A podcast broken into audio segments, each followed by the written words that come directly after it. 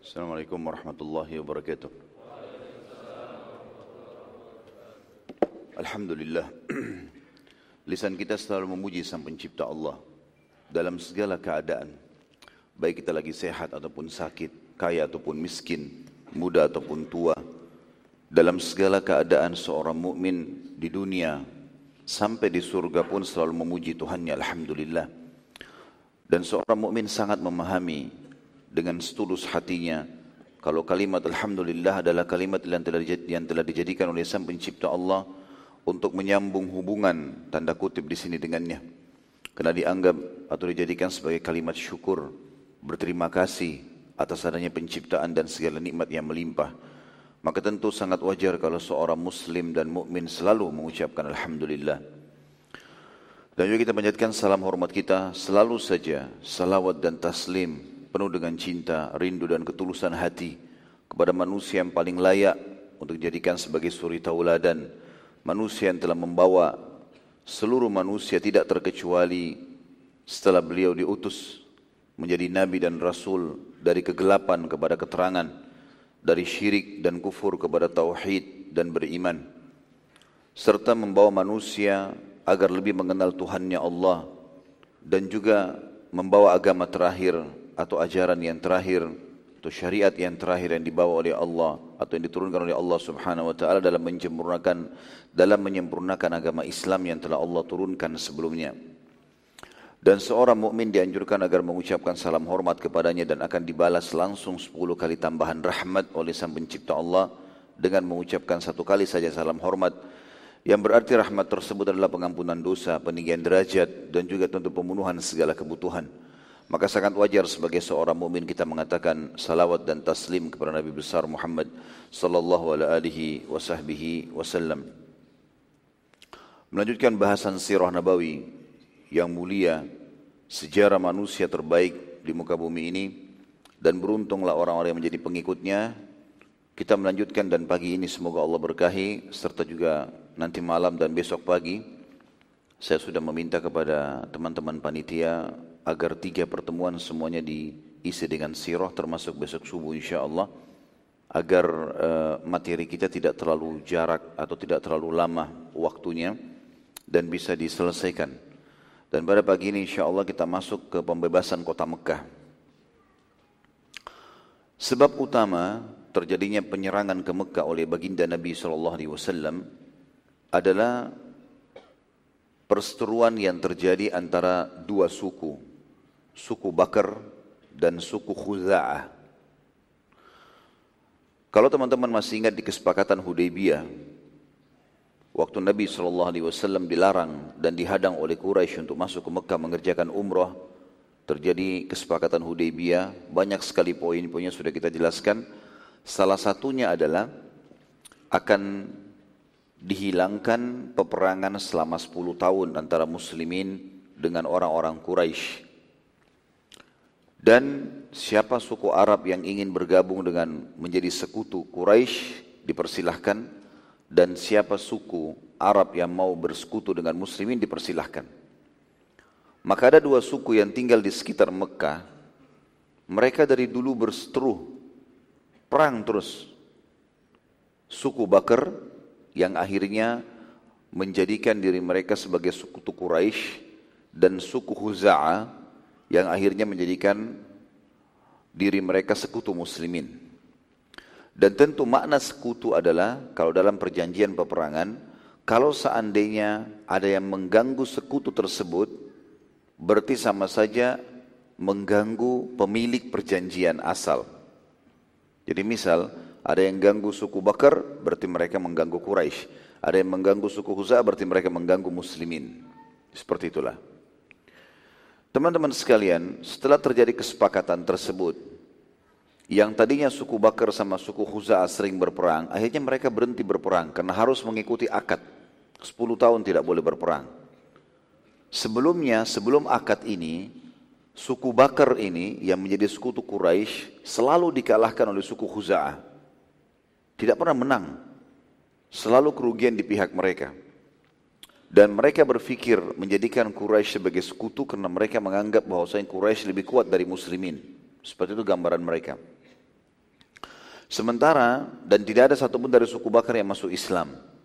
Sementara suku Khuza'ah dan kalau teman-teman review jauh lebih ke belakang lagi, Khuza'ah ini suku yang pertama hijrah dari dari Yaman terus kemudian ketemu dengan Hajar dan Ismail di Mekah. Dari mereka termasuk penduduk Mekah yang pertama gitu. Suku Khuza'ah ini mayoritasnya masuk Islam. Sebagian kecil di antara mereka yang belum masuk Islam. Makanya mereka memilih muslimin sebagai sekutunya. Suku Huza'a karena menganggap bahwasanya sudah ada kesepakatan damai, maka mereka pun melucutkan senjata dan mereka masuk ke dalam Mekah tidak bawa senjata. Sebelum ada kesepakatan perdamaian ini, selalu setiap orang siap siaga dengan senjata yang karena bisa diserang setiap saat. Salah satu pimpinan suku Bakar yang bernama Naufal bin Muawiyah Ad-Daili. Naufal bin Muawiyah Ad-Daili ini adalah pimpinan suku Bakar. Dia merasa terganggu dengan akad ini karena dia berharap melihat atau mendapatkan kelalaian Khuza'ah lalu dia membalas kekalahan-kekalahan yang dulu karena belum pernah menang dalam peperangan. Pasti mereka kalah. Noval pada saat itu melihat rupanya ada banyak dari suku Khuza'ah masuk ke Mekah di depan mata dia tidak pakai senjata. Sementara dia sendiri karena sekutu Quraisy seperti orang Quraisy di kota sendiri boleh bawa senjata, yang penting tidak mengganggu orang. Maka Noval melihat ada banyak suku-suku Khuza'ah yang berlalu lalang di depan mata dia dan dia tahu ini dulu adalah prajurit-prajurit Khuza'ah. Maka dia pun terganggu lalu dia mengatakan kepada tokoh-tokoh Quraisy, Sungguh ini kesempatan kami membalas kekalahan-kekalahan kami sebelumnya.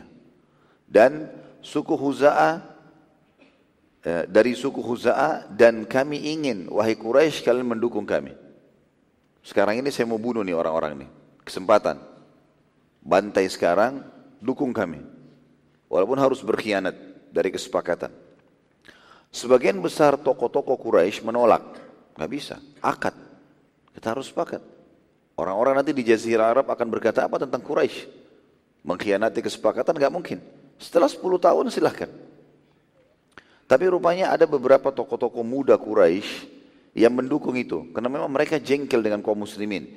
Dan juga mereka berpikir akad ini sebenarnya hanya untuk membuat Quraisy menyusun kekuatan mereka.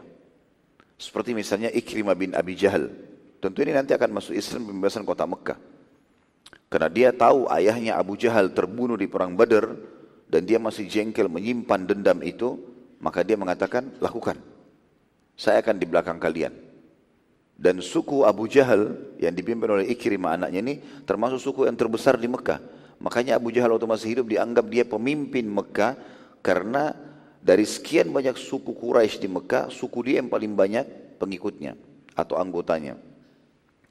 Kemudian juga uniknya pada saat itu karena Ikrimah ini bersahabat dekat dengan tokoh Quraisy yang lain yang juga ayahnya terbunuh di perang Badar. Namanya Safwan bin Umayyah bin Khalaf. Ayahnya juga Umayyah bin Khalaf terbunuh di perang Badar. Maka dia juga berdiri memberikan dukungan. Yang lebih unik lagi adalah seseorang tokoh Quraisy yang bernama Suhail bin Amr. Suhail bin Amr ini penulis akad dia yang datang bernegosiasi dengan Nabi SAW untuk nulis akad.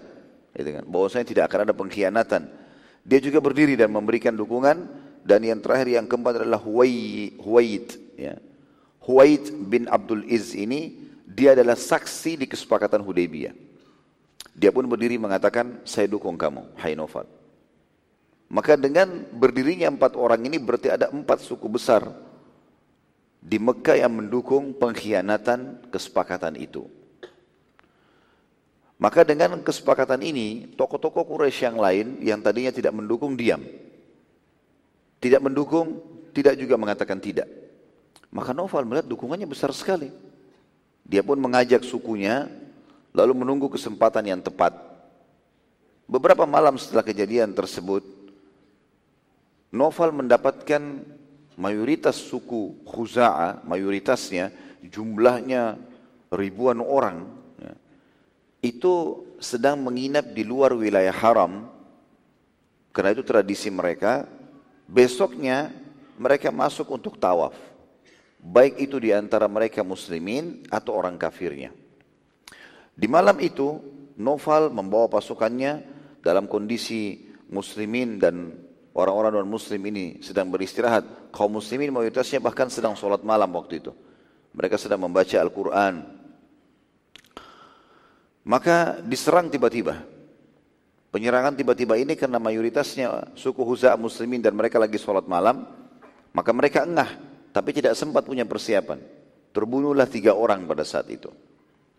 Setelah terbunuh tiga orang, mayoritas suku Huza'a ya, berlarian, melarikan diri karena suku yang bakar ini menyerang dengan pasukan intinya. Maka mereka pun lari dan malam hari sampai mereka masuk ke wilayah haram dan tepatnya mereka mendekati rumah pimpinan mereka. Suku Huza'a punya pimpinan pada saat itu kepala suku kebetulan tidak ada di situ bernama Hudayl bin Warqa. Hudayl bin Warqa ini radhiyallahu anhu sahabat dia masuk Islam, gitu kan. Tapi dia tidak ada di situ. Tapi karena dia kepala suku, dia beli rumah di Mekah. Setiap kali dia datang ke Mekah, dia nginap di situ. Dan itu diizinkan oleh Quraisy karena dia kepala suku, gitu. Orang-orang Khuza'ah sempat teriak mengingatkan Nofal sambil berkata, Hai Nofal, ingatlah ini wilayah haram, ini wilayah haram, takutlah pada Tuhanmu. Karena Nofal juga beriman kepada Allah sebenarnya, cuma mereka adalah orang-orang musyrik. Mereka menyekutukan Allah Azza wa Jal dengan patung-patungnya. Gitu kan? Tahu Allah SWT, tahu kalau Ka'bah ini adalah rumahnya Allah. Sebagaimana kita tahu juga pada saat Abraha akan menyerang, mayoritas masyarakat maka penyembah berhala. Tapi mereka mengetahui kalau Ka'bah rumahnya Allah. Dan setelah kejadian Abraha dihancurkan oleh Allah SWT, mereka mengenang itu dengan mengatakan itu adalah tahun gajah. Tahun di mana baginda Nabi SAW lahir. Jadi mereka sebenarnya mengenal Allah. Waktu diingatkan begitu Noval karena yang bergerak dalam hatinya adalah dendam, maka dia mengatakan tidak lagi Tuhan kalian hari ini dan kami akan membunuh kalian semuanya. Pada saat itu waktu pas suku Huza'ah tiba di depan rumahnya Huzail ibn Warqa radhiyallahu anhu dan kena tengah malam tidak ada yang bukain pintu akhirnya terjadilah pembantaian massal pada saat itu dan mereka bercoba melawan mempertahankan diri sehingga akhirnya terbunuh 20 orang. Jadi total yang terbunuh dari suku Huza'ah 23 orang. Tiga orang di luar wilayah haram, 20-nya di dalam wilayah haram. Tentu ini tercoreng sekali. Kalau orang-orang Quraisy penduduk Mekah asli diserang oleh pasukan dari luar lalu mereka terbunuh di wilayah haram, itu kemuliaan. Tapi kalau orang-orang Quraisy Mekah yang berkhianat dan membunuh orang lain di wilayah haram ini pelanggaran besar. Baik dalam syariat kita, tidak boleh membunuh di wilayah haram, tidak boleh mencabut pohonnya, tidak boleh membunuh hewannya dan seterusnya. Ya, kecuali hewan-hewan yang dibolehkan dibunuh seperti tikus, kalajengking, ular dan seterusnya. Maka e, di dalam pemahaman mereka pun orang Quraisy ini pelanggaran. Kode etiknya itu dilanggar sama dia, wilayah haram, tidak boleh sama sekali. Terus saya terjadi peperangan sampai menjerang pagi. Pada saat tiba pagi, karena orang-orang Quraisy sudah khawatir jangan sampai tersebar berita ke Madinah terhadap pengkhianatan ini, maka mereka pun memerintahkan agar suku Bakar bubar. Gak boleh lagi. Noval pun disuruh berhenti. Sudah selesai. Malam hari kami masih bisa alasan kalau kami tidak tahu kejadian. Maka dibubarkanlah. Bubarlah pada saat itu. Dan ini jelas sekali teman-teman pengkhianatan terhadap akad. Sebagaimana saya jelaskan tadi, akadnya adalah yang mengganggu sekutu berarti sekutunya juga terganggu seperti itulah suku Khuza'ah sekutu muslimin berarti sama saja Quraisy yang sedang menyerang muslimin. Berarti akad batal. 10 tahun itu batal. Berarti tidak lagi akad tidak ada peperangan 10 tahun. Bisa setiap saat terjadi peperangan. Terlebih lagi pembunuhan tersebut terjadi di wilayah haram dan ini masalah yang sangat besar ya. Khuza lalu segera berkumpul pada saat itu dan membicarakan kejadian bersama dengan pimpinan mereka Huzair bin Warqa radhiyallahu anhu ajma'in. Maka mereka mengutus seorang penyair ke Madinah namanya Amr bin Salim radhiyallahu anhu, sahabat Nabi juga yang mulia ini. Amr bin Salim ini seorang penyair dan zaman dulu orang kalau mengantar surat, informasi penting, penyair yang dikirim. Ya, kalau kita mungkin seorang duta, orang yang punya orasi, orang yang bisa berbicara, tutur katanya teratur rapi, dan dia bisa menyusun kata yang ringkas, padat, memberikan informasi yang tepat, seperti itulah. Amr bin Salim disuruh oleh Huzail pergi ke Madinah jangan berhenti. Non stop, jalan, tidak ada istirahat. Dia pun pergi, ini masalah besar. Karena pagi harinya nih, tadi malam pembantian. Jangan sampai suku Bakar menyerang lagi hari ini. Satu orang ini pergi ke Madinah menyampaikan kepada Nabi SAW, yang lainnya siap siaga jangan sampai ada penyerangan. Bahkan lebih jauh daripada itu, ya, Huzair radhiyallahu anhu bin Warqa ini berusaha untuk menyusun pasukan dan niat untuk menyerang Mekah di mana Nabi SAW memberikan isyarat kepada beliau untuk menyerang. Amr bin Salim lalu menuju ke Madinah non-stop tanpa istirahat. Ya. Dan kemudian sampai di Madinah melihat dan menemui Nabi SAW sedang duduk dalam masjid bersama dengan para sahabat. Langsung begitu dia berdiri mengucapkan salam Assalamualaikum warahmatullahi wabarakatuh langsung dia menyebutkan syairnya.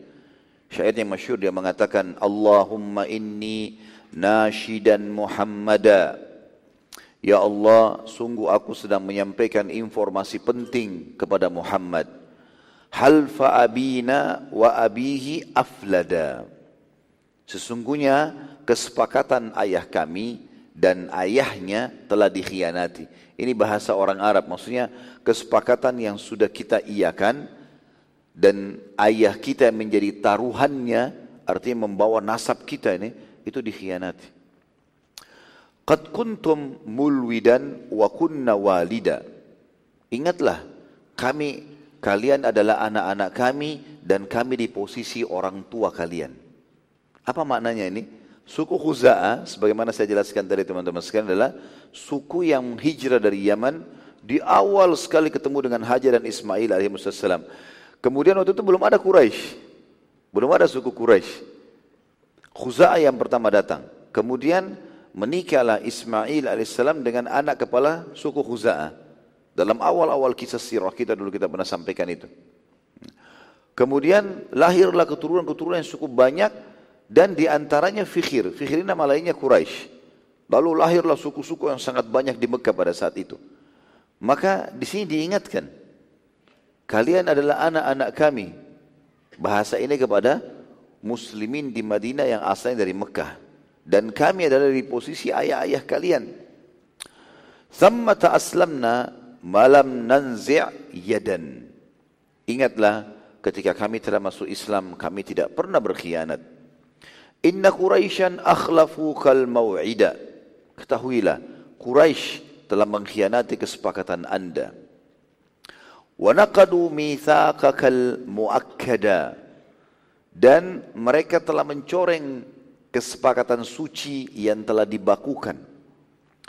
Fansur hadakallahu nasran atada. Maka tolonglah semoga Allah senantiasa memberi petunjuk dengan pertolongan yang benar. Wad'u ibadallahi ya'tu madada. Kumandankanlah, panggilkanlah seluruh hamba-hamba Allah biar mereka datang seluruhnya.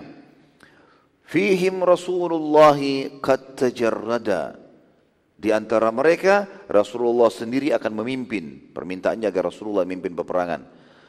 Dan mereka sudah tahu itu, tapi mereka tetap berkhianat. Maksudnya orang-orang Quraisy. Fi failakin bikal bahri yajri muzbida. Pada pasukan yang banyak dan di wilayah Faidak atau Failak.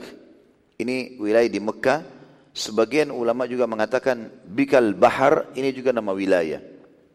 Bisa saja berarti Failakin adalah jumlah pasukan yang besar atau Failakin nama wilayahnya. Dikatakan pada wilayah Failakin telah terjadi perkara pengkhianatan, pembantaian massal. Hum bayyatuna bil watiri hujjada. Mereka menyerang kami saat kami lagi istirahat di malam hari. Natlu al-Qur'ana rukka'an wa sujjada Sebagian besar di antara kami sedang membaca Al-Quran, baik dalam keadaan ruku ataupun sujud. Waja'alu bifida'in rasada. Mereka menjadikan tebusan ya, diri-diri mereka itu dengan menyangka mereka akan selamat. Waza'amu an lastu ad'u ahada. Mereka mengira bahwasanya aku tidak akan memberitahukan kepada sesok siapa pun. Wahum azallu azallu wa aqallu adada Sementara mereka sebenarnya terhina. Jumlahnya tidak banyak pada saat itu. Orang Quraisy pun kalau bergabung tidak banyak. Dan kekuatannya sangat sedikit. Nabi SAW faham betul isi syair ini. Tahu apa yang dimaksud. Dan orang-orang Arab tahu kalau penyair yang datang berarti informasi penting ini. Maka Nabi SAW tidak banyak bertanya. Beliau cuma mengatakan, engkau telah dimenangkan wahai Amr bin Salim. Engkau telah dimenangkan wahai Amr bin Salim seraya Nabi SAW berubah raut wajah beliau karena marahnya dan menepuk paha beliau. Dari sisi lain, Hudzair bin Warqa radhiyallahu anhu di Mekah, di sekitar Mekah, bukan di Mekah, di luar Mekah, karena suku Huza'ah tinggal di luar Mekah, mayoritasnya. Ya. Sebagaimana pernah saya jelaskan, waktu uh, jauh sebelum lahir Nabi SAW, sempat suku Huza'ah berkuasa full di Mekah, kemudian datang suku uh, pada saat itu, uh, oh mohon maaf, saya keliru menyebutkan ini. Yang datang di Mekah dulu suku Jurhum ya. Suku Khuza ini justru suku yang datang pada saat itu merebut Mekah. Ya, keliru saya, mohon maaf ini. Saya luruskan kembali. Kalau suku yang datang ke Mekah dulu suku Jurhum, ini suku Khuza'ah. Dan dimaksud dengan perkataan tadi suku Khuza'ah ini adalah suku Khuza'ah yang datang dan menguasai Mekah setelahnya.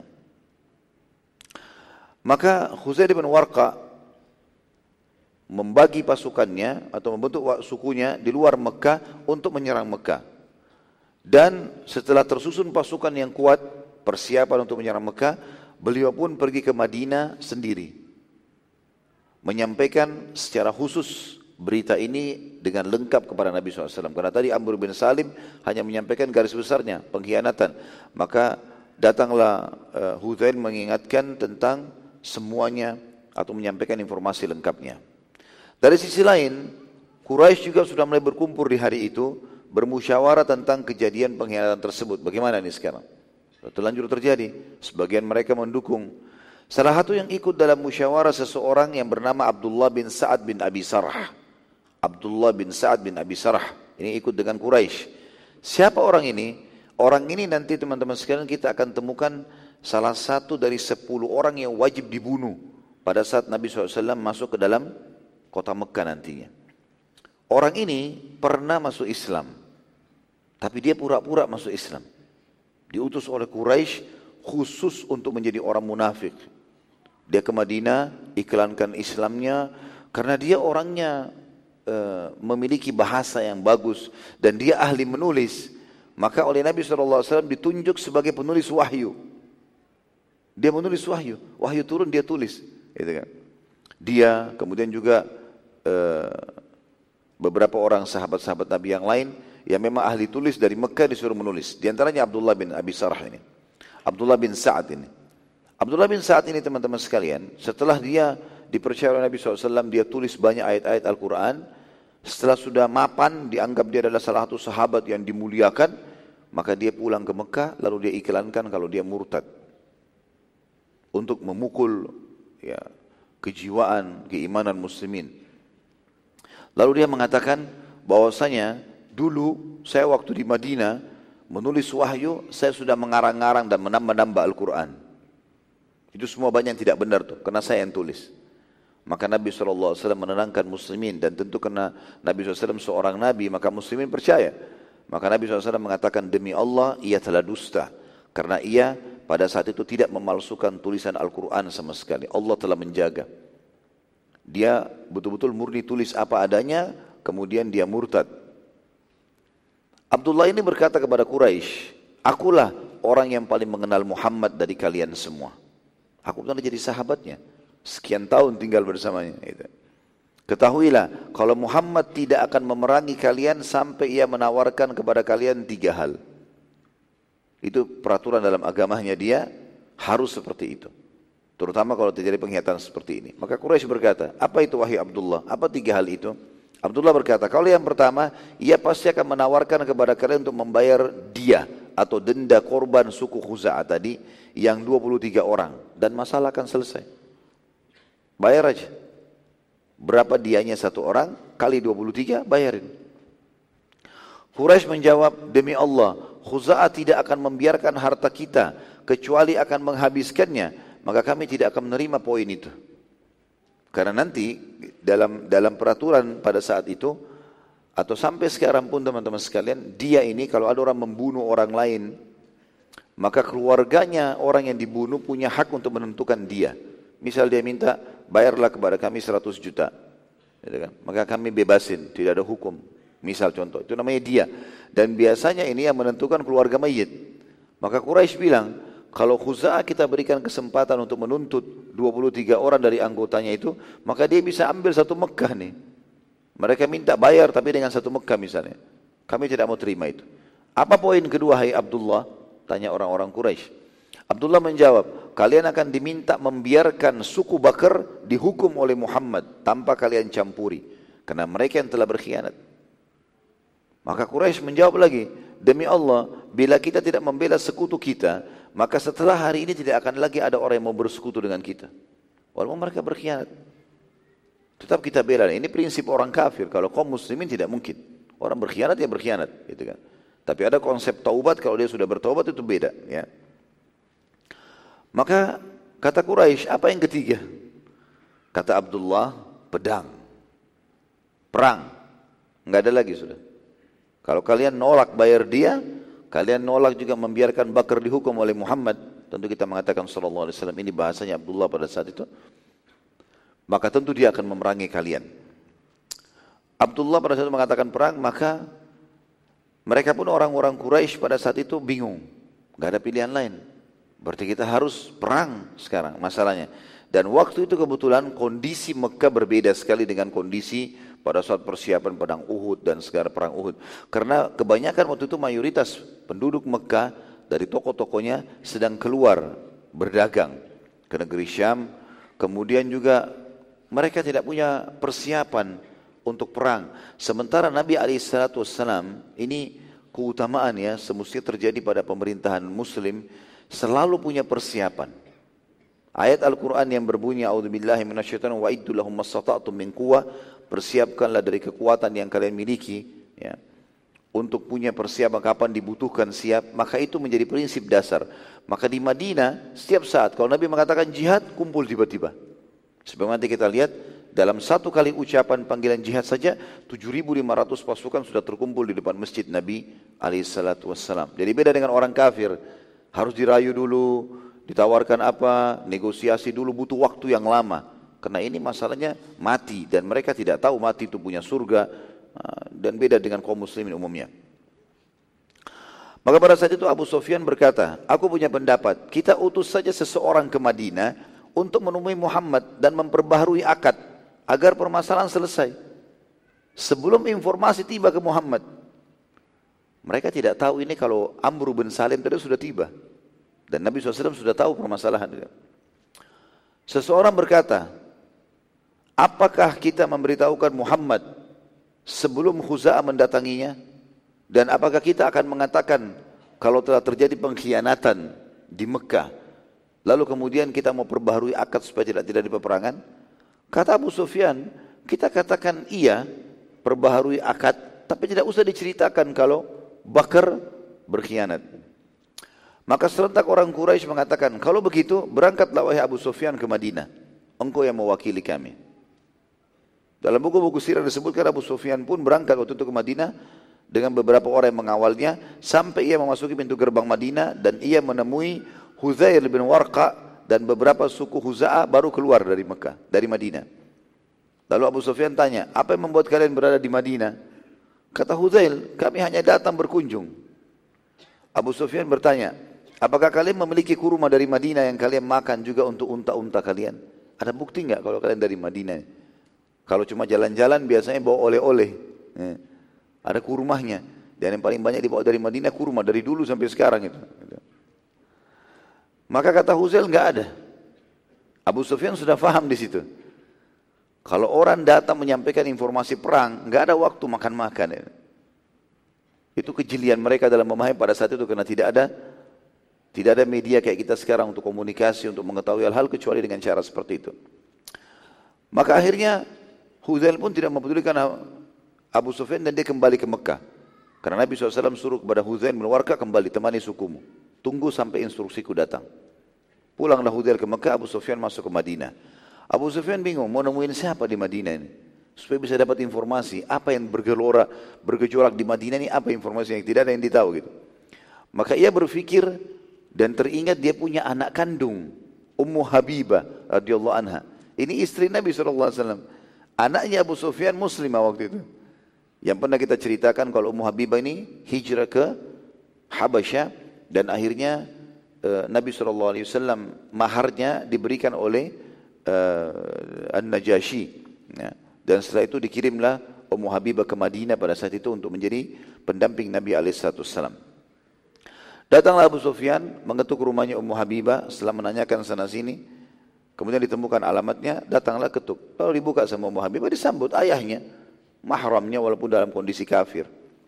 Belum saja berbicara, Ummu Habibah tetap diam menunggu ayah mau bicara apa.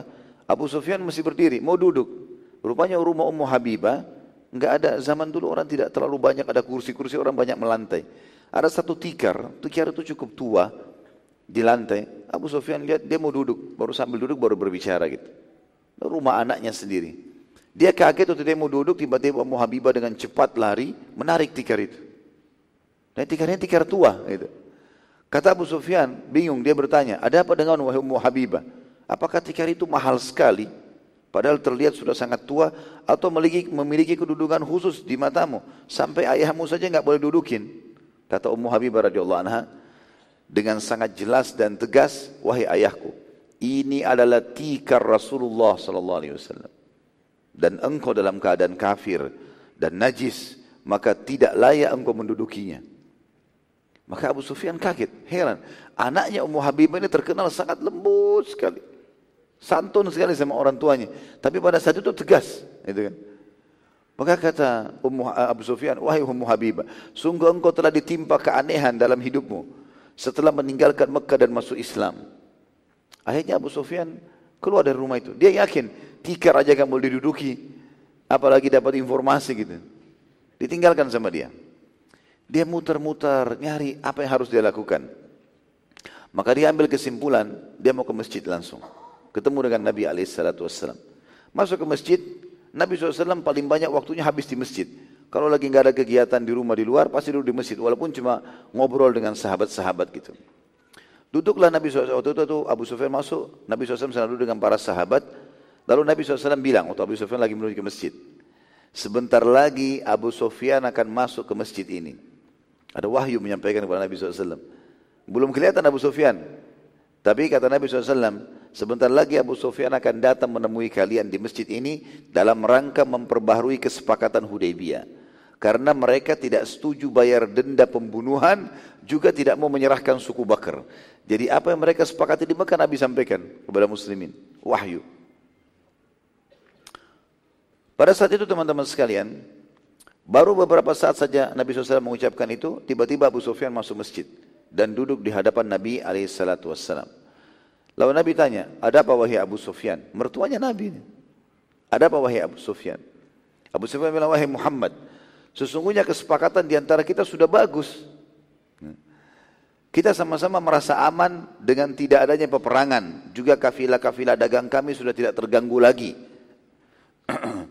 Maka kami ingin memperbaharui dan memperpanjang kesepakatan. Ini lucunya ini Nabi dan para sahabat sudah tahu kejadian ini. Ya. Dia bicara seakan-akan tidak ada yang mengerti gitu. Ya. Nabi SAW bertanya, apakah kalian melakukan sesuatu sehingga kalian mau memperbaharui dan memperpanjang akad? Ditanya. Kata Abu Sufyan, tidak ada. Hanya saja kami mau memperbaharuinya. Kata Nabi SAW, kami tetap dalam kesepakatan dan kami tidak akan pernah berkhianat selamanya. Ya. Perkataan Nabi SAW ini memiliki makna yang sangat tinggi sebagai seorang pemimpin.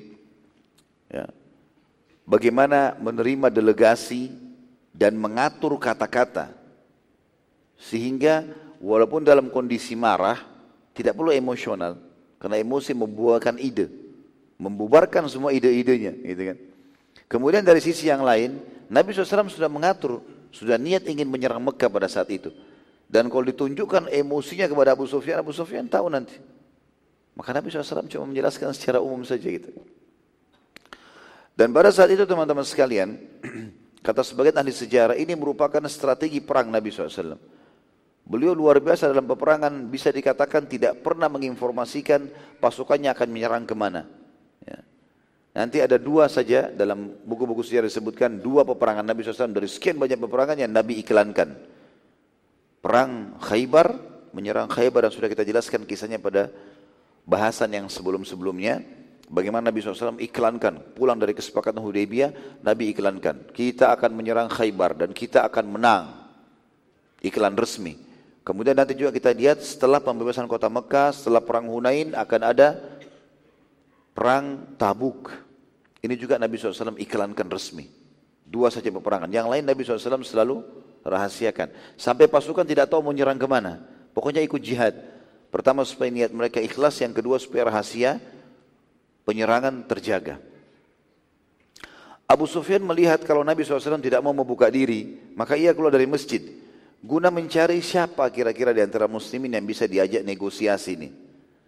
Setelah dia pikir-pikir ternyata dia temukan memang Abu Bakar adalah sahabat Nabi yang paling dekat. Sekaligus juga mertua. Ya, berarti dia sama Abu Bakar sama posisinya. Cuma ini kafir, ini muslim gitu. Lalu dia pergi ke Abu Bakar dan berkata, engkau adalah sahabat Muhammad dan orang terdekatnya. Maka perbaharuilah akad. Kita baru buat akad baru sekarang. Yang lalu anggap batal. Gitu kan, seperti itulah. Dan perbaharui akad dan keamanan serta lindungi orang-orang dari peperangan. Dan engkau akan dikenang sepanjang masa. Abu Bakar lalu menjawab, Demi Allah kami tetap pada kesepakatan awal dan kami tidak akan pernah berkhianat juga tidak akan melindungi di atas perlindungan Nabi Muhammad SAW. Kalau Nabi yang lakukan kami ikut, kalau enggak, enggak bakalan. Mustahil. Apa yang Nabi katakan, kami katakan. Abu Sufyan melihat Abu Bakar enggak ada gunanya. Maka dia pergi ke siapa? Ke Umar bin Khattab. Umar bin Khattab, siapa yang tidak kenal dengan ketegasannya? Dia pergi ke sana, dia mengatakan, Wahai Umar, engkau adalah sahabat terdekatnya Muhammad. Salah satu dari mertuanya, gitu kan. Maka perbaharuilah akad. Selamatkan orang-orang dari peperangan. Maka Umar berkata apa? Aku melindungi kalian.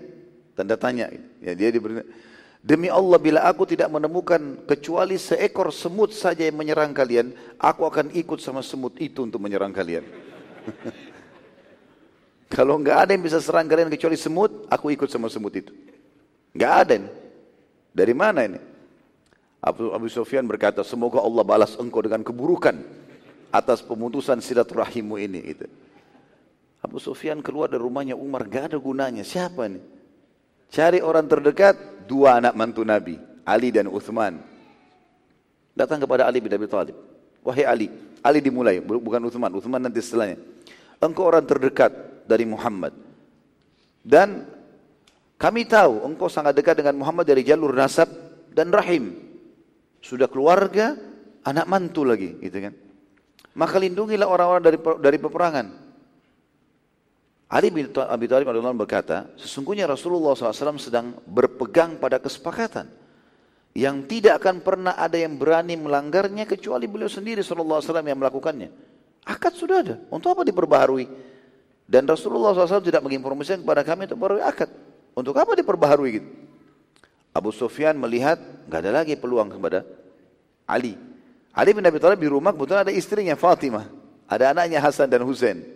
Maka Abu Sufyan menghadap ke Fatimah, lalu berkata, ya, wahai Fatimah, engkau adalah anaknya Muhammad, lindungilah orang-orang dari peperangan. Saking takutnya Abu Sufyan di sini teman-teman sekalian sampai ke perempuan pun minta tolong. Hmm.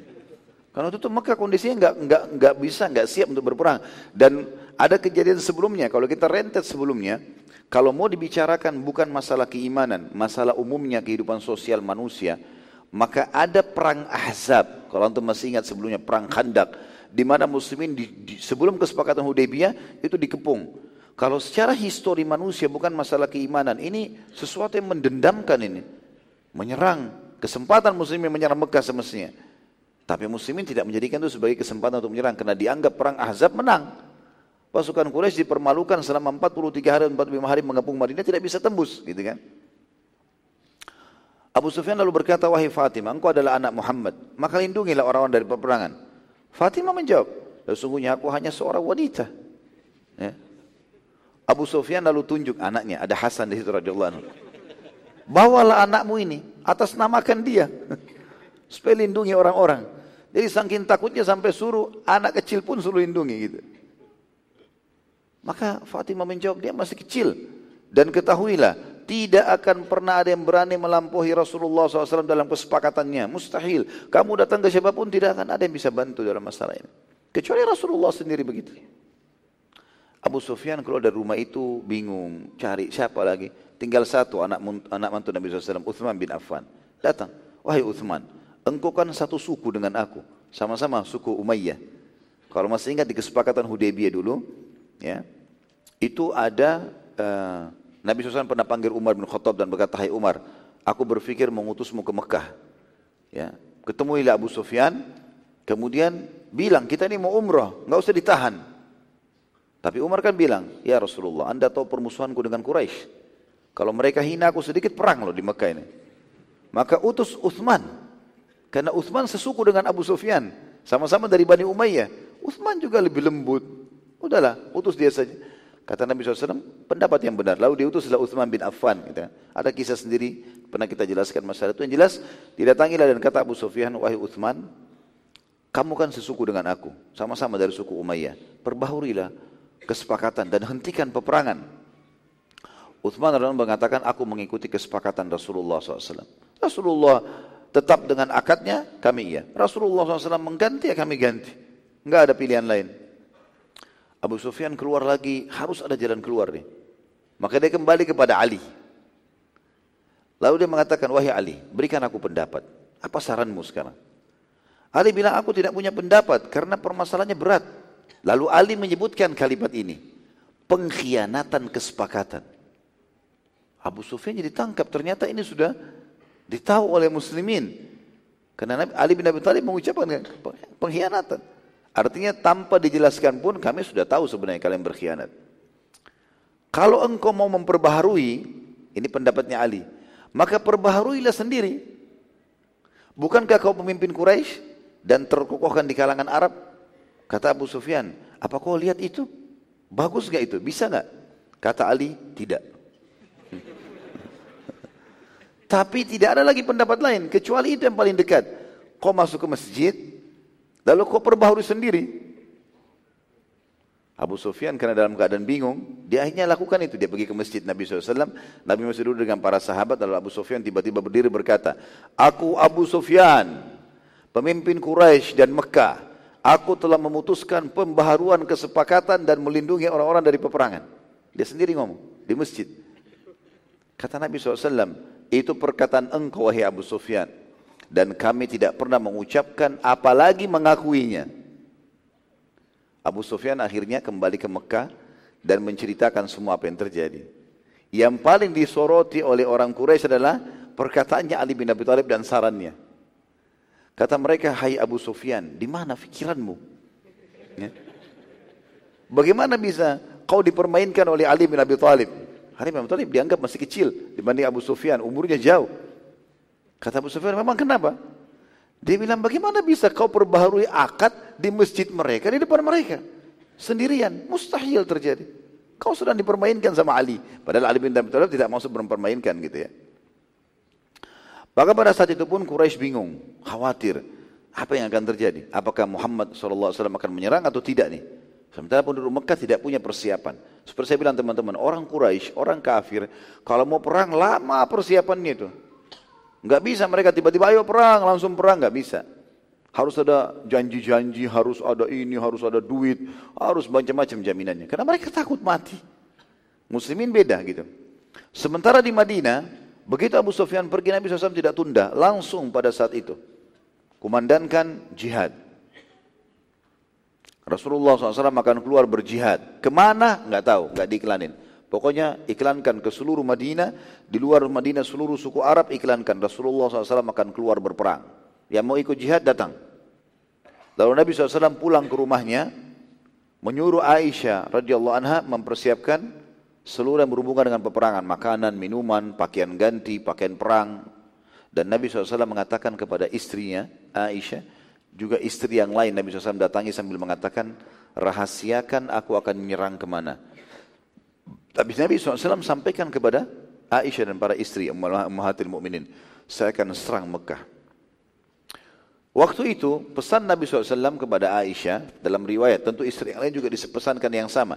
Tapi riwayat yang dinukil ini adalah riwayatnya Aisyah radhiallahu dalam hadis Bukhari. Abu Bakar sempat mendatangi rumah Aisyah dan heran melihat kenapa Aisyah mempersiapkan persiapan perang Nabi SAW. Tahu ini pedangnya Nabi, ini busur panahnya, ini tombaknya, ini baju-baju gantinya, ada perisainya segala macam ini. Aisyah lagi siapkan radhiyallahu anha. Maka kata Abu Bakar, wahai Aisyah, apakah Rasulullah SAW akan berperang? Kata Aisyah, iya. Kata Abu Bakar, mau ke mana target Rasulullah SAW? Aisyah tidak menjawab satu patah pun. Kenapa? Karena wasiat Nabi apa? rahasiakan. Bayangkan di sini teman-teman sekalian yang bertanya Abu Bakar, sahabat dekatnya Nabi, ayahnya dia sendiri. Tapi karena suaminya bilang rahasiakan, nggak diceritakan sama sekali. Dan ini pelajaran penting bagi setiap muslimah. Suami di atas segala-galanya. Di kalangan manusia tentunya. Ya, dan juga tidak kita tidak bicara Nabi Muhammad SAW. Nabi Muhammad harus di atas semuanya orang tua diri kita sendiri bahkan. Tapi bicara tentang lingkup keluarga teman-teman maka suami di atas segalanya. Apa yang dia katakan harus dirahasiakan, harus dijaga amanahnya nggak boleh kita ekspos ke sini dan ini banyak benteng muslimah jebol di poin ini. Mereka banyak sekali curhat sembarangan dengan orang ketiga hanya rumah tangganya rusak. Semua orang tahu tentang dia. Semua orang tahu tentang permasalahannya. Seakan-akan akhirnya suaminya dikeroyoki oleh sekian banyak orang. Ini masalah besar karena pintu surganya tertutup dengan itu. Sama dia durhaka dengan ayahnya. Aisyah merahasiakan walaupun ayahnya yang tanya. Diambil mengatakan rahasia rahasia. Pelajaran yang lain juga, kalau seorang suami memang boleh menyampaikan rahasia kepada istrinya. Karena istrinya atau suami istri dibahasakan dalam Al-Quran A'udzu billahi minasyaitonir rajim. Hunna libasun lakum wa antum libasul lahun. Para istri kalian pakaian kalian dan mereka dan kalian juga pakaian buat mereka. Apa makna pakaian? Pakaian untuk apa kita pakai ini teman-teman sekalian? Menutup aurat, sisi lain apa? Memperindah penampilan, ya. Jadi memang ada hal yang bermanfaat di situ. Istri dan suami adalah pelindung aib yang tahu ada penyakit kulit, ada luka, bekas luka, ada apalah di tubuh kita adalah istri kita dan suami kita. Orang tua kita juga belum tentu tahu. Ya. Maka itu dikatakan libas. Makanya mereka tempat rahasia sebenarnya. Dan Allah telah menjadikan suami istri sebagai tempat rahasia pasangannya maka tidak boleh diekspos amanah. Sampai kata Nabi SAW, orang yang paling buruk di sisi Allah pada hari kiamat adalah orang yang telah menggauli pasangannya Suami mendatangi istrinya atau istri mendatangi suaminya lalu mereka menyebarkan rahasia masing-masing. Di antaranya menceritakan tentang biologisnya, kebaikan ataupun keburukannya. Hal-hal yang sifatnya rahasia tidak boleh sama sekali dikeluarkan. Ini penting di garis bawahi. Makin tertutup rumah tangga tersebut dari orang-orang ketiga dari luar maka makin aman. Makanya harus hati-hati. Setiap muslim dan muslimah pegang baik-baik poin rahasia ini. Dari sekian banyak 99% kasus rumah tangga yang disampaikan kepada saya, kasusnya orang ketiga. Dan tidak bisanya suami istri menjaga lisan mereka menceritakan sana sini masalahnya. Abu Bakar lalu berusaha memancing Aisyah sambil berkata radhiyallahu anhu majma'in, mungkin Rasulullah SAW ingin menyerang Romawi. Aisyah tetap diam. Tanya lagi, mungkin Rasulullah SAW mau menyerang Hawazim. Hawazim ini suku Taif. Nanti akan ada perang Hunain dengan mereka setelah pembebasan kota Mekah. Aisyah tetap diam. Aisyah ini anak gitu. Ayahnya lagi bertanya, enggak dijawab. Abu Bakar berkata lagi, mungkin Rasulullah SAW ingin menyerang Quraisy. Aisyah tetap diam. Beberapa saat kemudian, karena Abu Bakar tidak bisa dapat informasi, duduk di situ tunggu, Rasulullah SAW masuk rumah. Abu Bakar bertanya, wahai utusan Allah, apakah anda akan berperang Kata Nabi SAW, iya. Apakah kami juga mempersiapkan diri bersama anda? Kata Nabi SAW, iya. Pulanglah, persiapkan peperangan. Abu Bakar bertanya lagi, apakah anda akan menyerang Romawi? Kata Nabi SAW, tidak. Bukan. Apakah anda akan menyerang Hawazim? Nabi SAW mengatakan bukan. Lalu ditanya, apakah anda akan menyerang Quraisy? Kata Nabi SAW, iya. Maka Abu Bakar berkata, wahai utusan Allah, bukankah antara kita dengan mereka ada kesepakatan damai 10 tahun? Kata Nabi SAW kalimat yang jelas, menjadi hukum syar'i bagi setiap muslim. Kata Nabi SAW, wahai Abu Bakar, sungguh mereka telah membatalkan kesepakatan itu. Mereka berkhianat, mereka yang memulai. Dan semua pengkhianat harus dihukum. Gak ada pengkhianat itu dibiarkan. Dan kita lihat teman-teman sekalian dalam histori Islam subhanallah, setiap pemimpin yang tidak mengikuti poin ini, pasti jadi masalah buat dia. Di antara juga banyak kisah histori itu. Di antara yang sangat terkenal pengkhianatan dalam sejarah Islam adalah seseorang yang telah mengkhianati Muhammad Al-Fatih. Setelah pembebasan Konstantinopel, itu banyak histori yang orang tidak kenal. Ada pengkhianat-pengkhianat yang muncul, gitu kan? Mengaku muslim tapi mereka munafik, lalu ketangkap nih, nggak dihukum sama Muhammad Fatih. Dia mohon mohon ampun, maafin saya segala macam tapi nggak dihukum. Padahal kepergok sedang melakukan perbuatan. Dimaafin, ternyata dia susun pasukan lebih besar dan membunuh banyak sekali perdana menterinya Muhammad Al-Fatih. Walaupun akhirnya dibunuh, terbunuh, tapi sudah banyak korban. Dan dia kejam sekali. Cara menghukum orang-orangnya kerajaan pada saat itu dia membuat pohon-pohon ada, pohon-pohon yang besar itu dipahat sama dia sampai menjadi seperti runcing sekali kayak jadi tombak tapi besar. Lalu diangkat para perdana menteri Utsmania waktu itu lalu ditancapin dari bokongnya sampai ke mulutnya. Dipajang sekian banyak orang penyiksaan. Gara-gara pengkhianatan orangnya subhanallah pengkhianat ini nggak boleh dibiasakan bahkan tidak boleh hidup kalau kepergok gitu kan dihukum oleh pemerintah setempat bahaya sekali Nabi SAW memberikan kepada kita kaidah syar'i di sini. Nabi SAW akhirnya mengatakan mereka telah membatalkan akad tersebut. Lalu Nabi SAW waktu itu suruh iklankan agar seluruh muslimin siap-siap. Kita akan berperang. Tapi Nabi SAW kumpulin tokoh-tokoh sahabat yang penting. Abu Bakar, Umar, Uthman, Ali, Talha, Zubair, sahabat-sahabat terutama yang hadir di perang Badr dikumpulin oleh Nabi SAW. Lalu Nabi mengatakan, saya akan menyerang Quraisy tapi rahasiakan. Tidak boleh ada yang berita, jangan diekspos. Pasukan tidak boleh tahu. Tapi kalian ini karena pasukan-pasukan inti, orang-orang yang hadir di Badar maksudnya dianggap pasukan inti. Karena mereka yang pertama sekali berperang bersama Nabi SAW. Itu kan. Maka pada saat itu teman-teman sekalian, juga diambil pelajaran penting di sini, terutama bagi seorang pemimpin. Umumnya seorang muslim. Kalau kita ditanya, Pertanyaan teman-teman sekalian, jawab sesuai dengan kadar kebutuhan. Tidak usah panjang lebar. Ditanya mau ke mana? Ke masjid. Gitu kan? Tidak usah cerita, saya ke masjid, habis itu saya mau ke pasar, habis itu saya mau ke rumah teman, nggak perlu. Orang tanya sekarang mau ke mana? Ya ke situ, selesai. Tidak perlu, kita nggak perlu jelaskan. Kecuali materi pelajaran harus dirincikan mungkin. Sebagaimana juga kalau antum dikhianati orang atau orang berbicara masalah ghibah, fitnah, ada orang konfirmasi, tabayun, jelaskan poin penting saja. Selesai.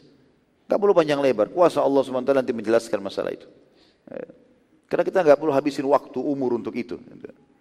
Maka ini pelajaran penting bagaimana Nabi SAW ditanya, Ya Rasulullah, Abu Bakar yang tanya sahabat dekatnya, apakah anda mau nyerang Romawi? Bukan. Kalau Abu Bakar nggak nanya lagi, Nabi nggak akan jelasin. Apakah anda mau Hawazim? Bukan. Apakah anda mau Quraisy? Iya. Titik. Gak pakai iya kita akan serang dari sini, masuk dari sana, gak ada.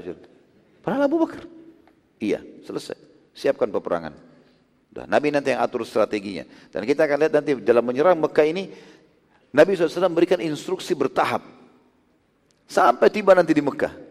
Jadi nggak semua dari awal diinstruksikan. Pasukan jalan ikuti saja instruksi. Tunggu, istirahat istirahat, melangkah melangkah, ke kanan ke kanan. Instruksi seperti itu dan mereka dilatih untuk patuh dengan pemimpin.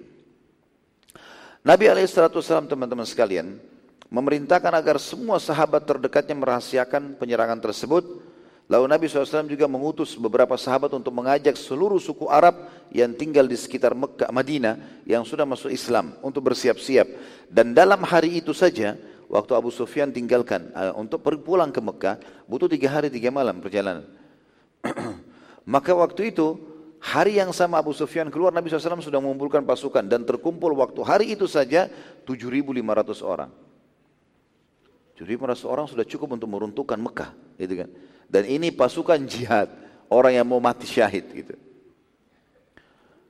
Para sahabat bingung akan ke mana kira-kira Nabi SAW karena jumlahnya banyak. Kalau sekarang kan bisa orang melalui media, melalui handphone sebarin Rasulullah akan ke Mekah misalnya. Nah, orang zaman dulu gak ada. Pasukannya di belakang gak ngerti mau ke mana. Ya, apalagi ini pasukan intinya disuruh diam semuanya. Beberapa sahabat berpikir mau ke mana ya? Bagaimana caranya kita tahu? Tanya Nabi SAW, Nabi cuma mengatakan jihad. Gak ada penjelasan itu. Maka mereka mencari siapa di antara sahabat yang ahli syair. Ditemukan Sa'ad bin Malik radhiyallahu anhu. Sa'ad bin Malik ini penyair yang masyhur sekali. Dia termasuk yang masuk Islam pada Bayat Aqabah di Mekah awal kaum muslimin. Lalu dia mendatangi Nabi SAW serai memuji-muji Nabi SAW dengan syairnya dan di situ ada singgungan ya dan Nabi Allah yang mulia hendak ke mana ke anda gitu ya di antara bunyi syairnya gitu Nabi SAW cuma jawab dengan senyum. Enggak ada jawaban kata-kata. Enggak ada jawaban. Mau ke Mekah, mau ke mana, enggak ada. Nabi SAW memerintahkan pada hari itu juga seluruh pintu gerbang Madinah. Enggak boleh lagi ada orang yang masuk, siapa pun, enggak boleh masuk di Madinah. Ditutup. Hari itu tutup kota Madinah. Dan tidak boleh ada dari Madinah yang keluar. Enggak boleh sama sekali. Di depan pintu gerbang Madinah pasukan inti menjaga semuanya. Jadi pada hari itu diisolasi Madinah. Enggak boleh ada informasi masuk, ada orang tidak boleh orang masuk nanti dia keluar bawa informasi atau orang Madinah yang keluar tidak boleh.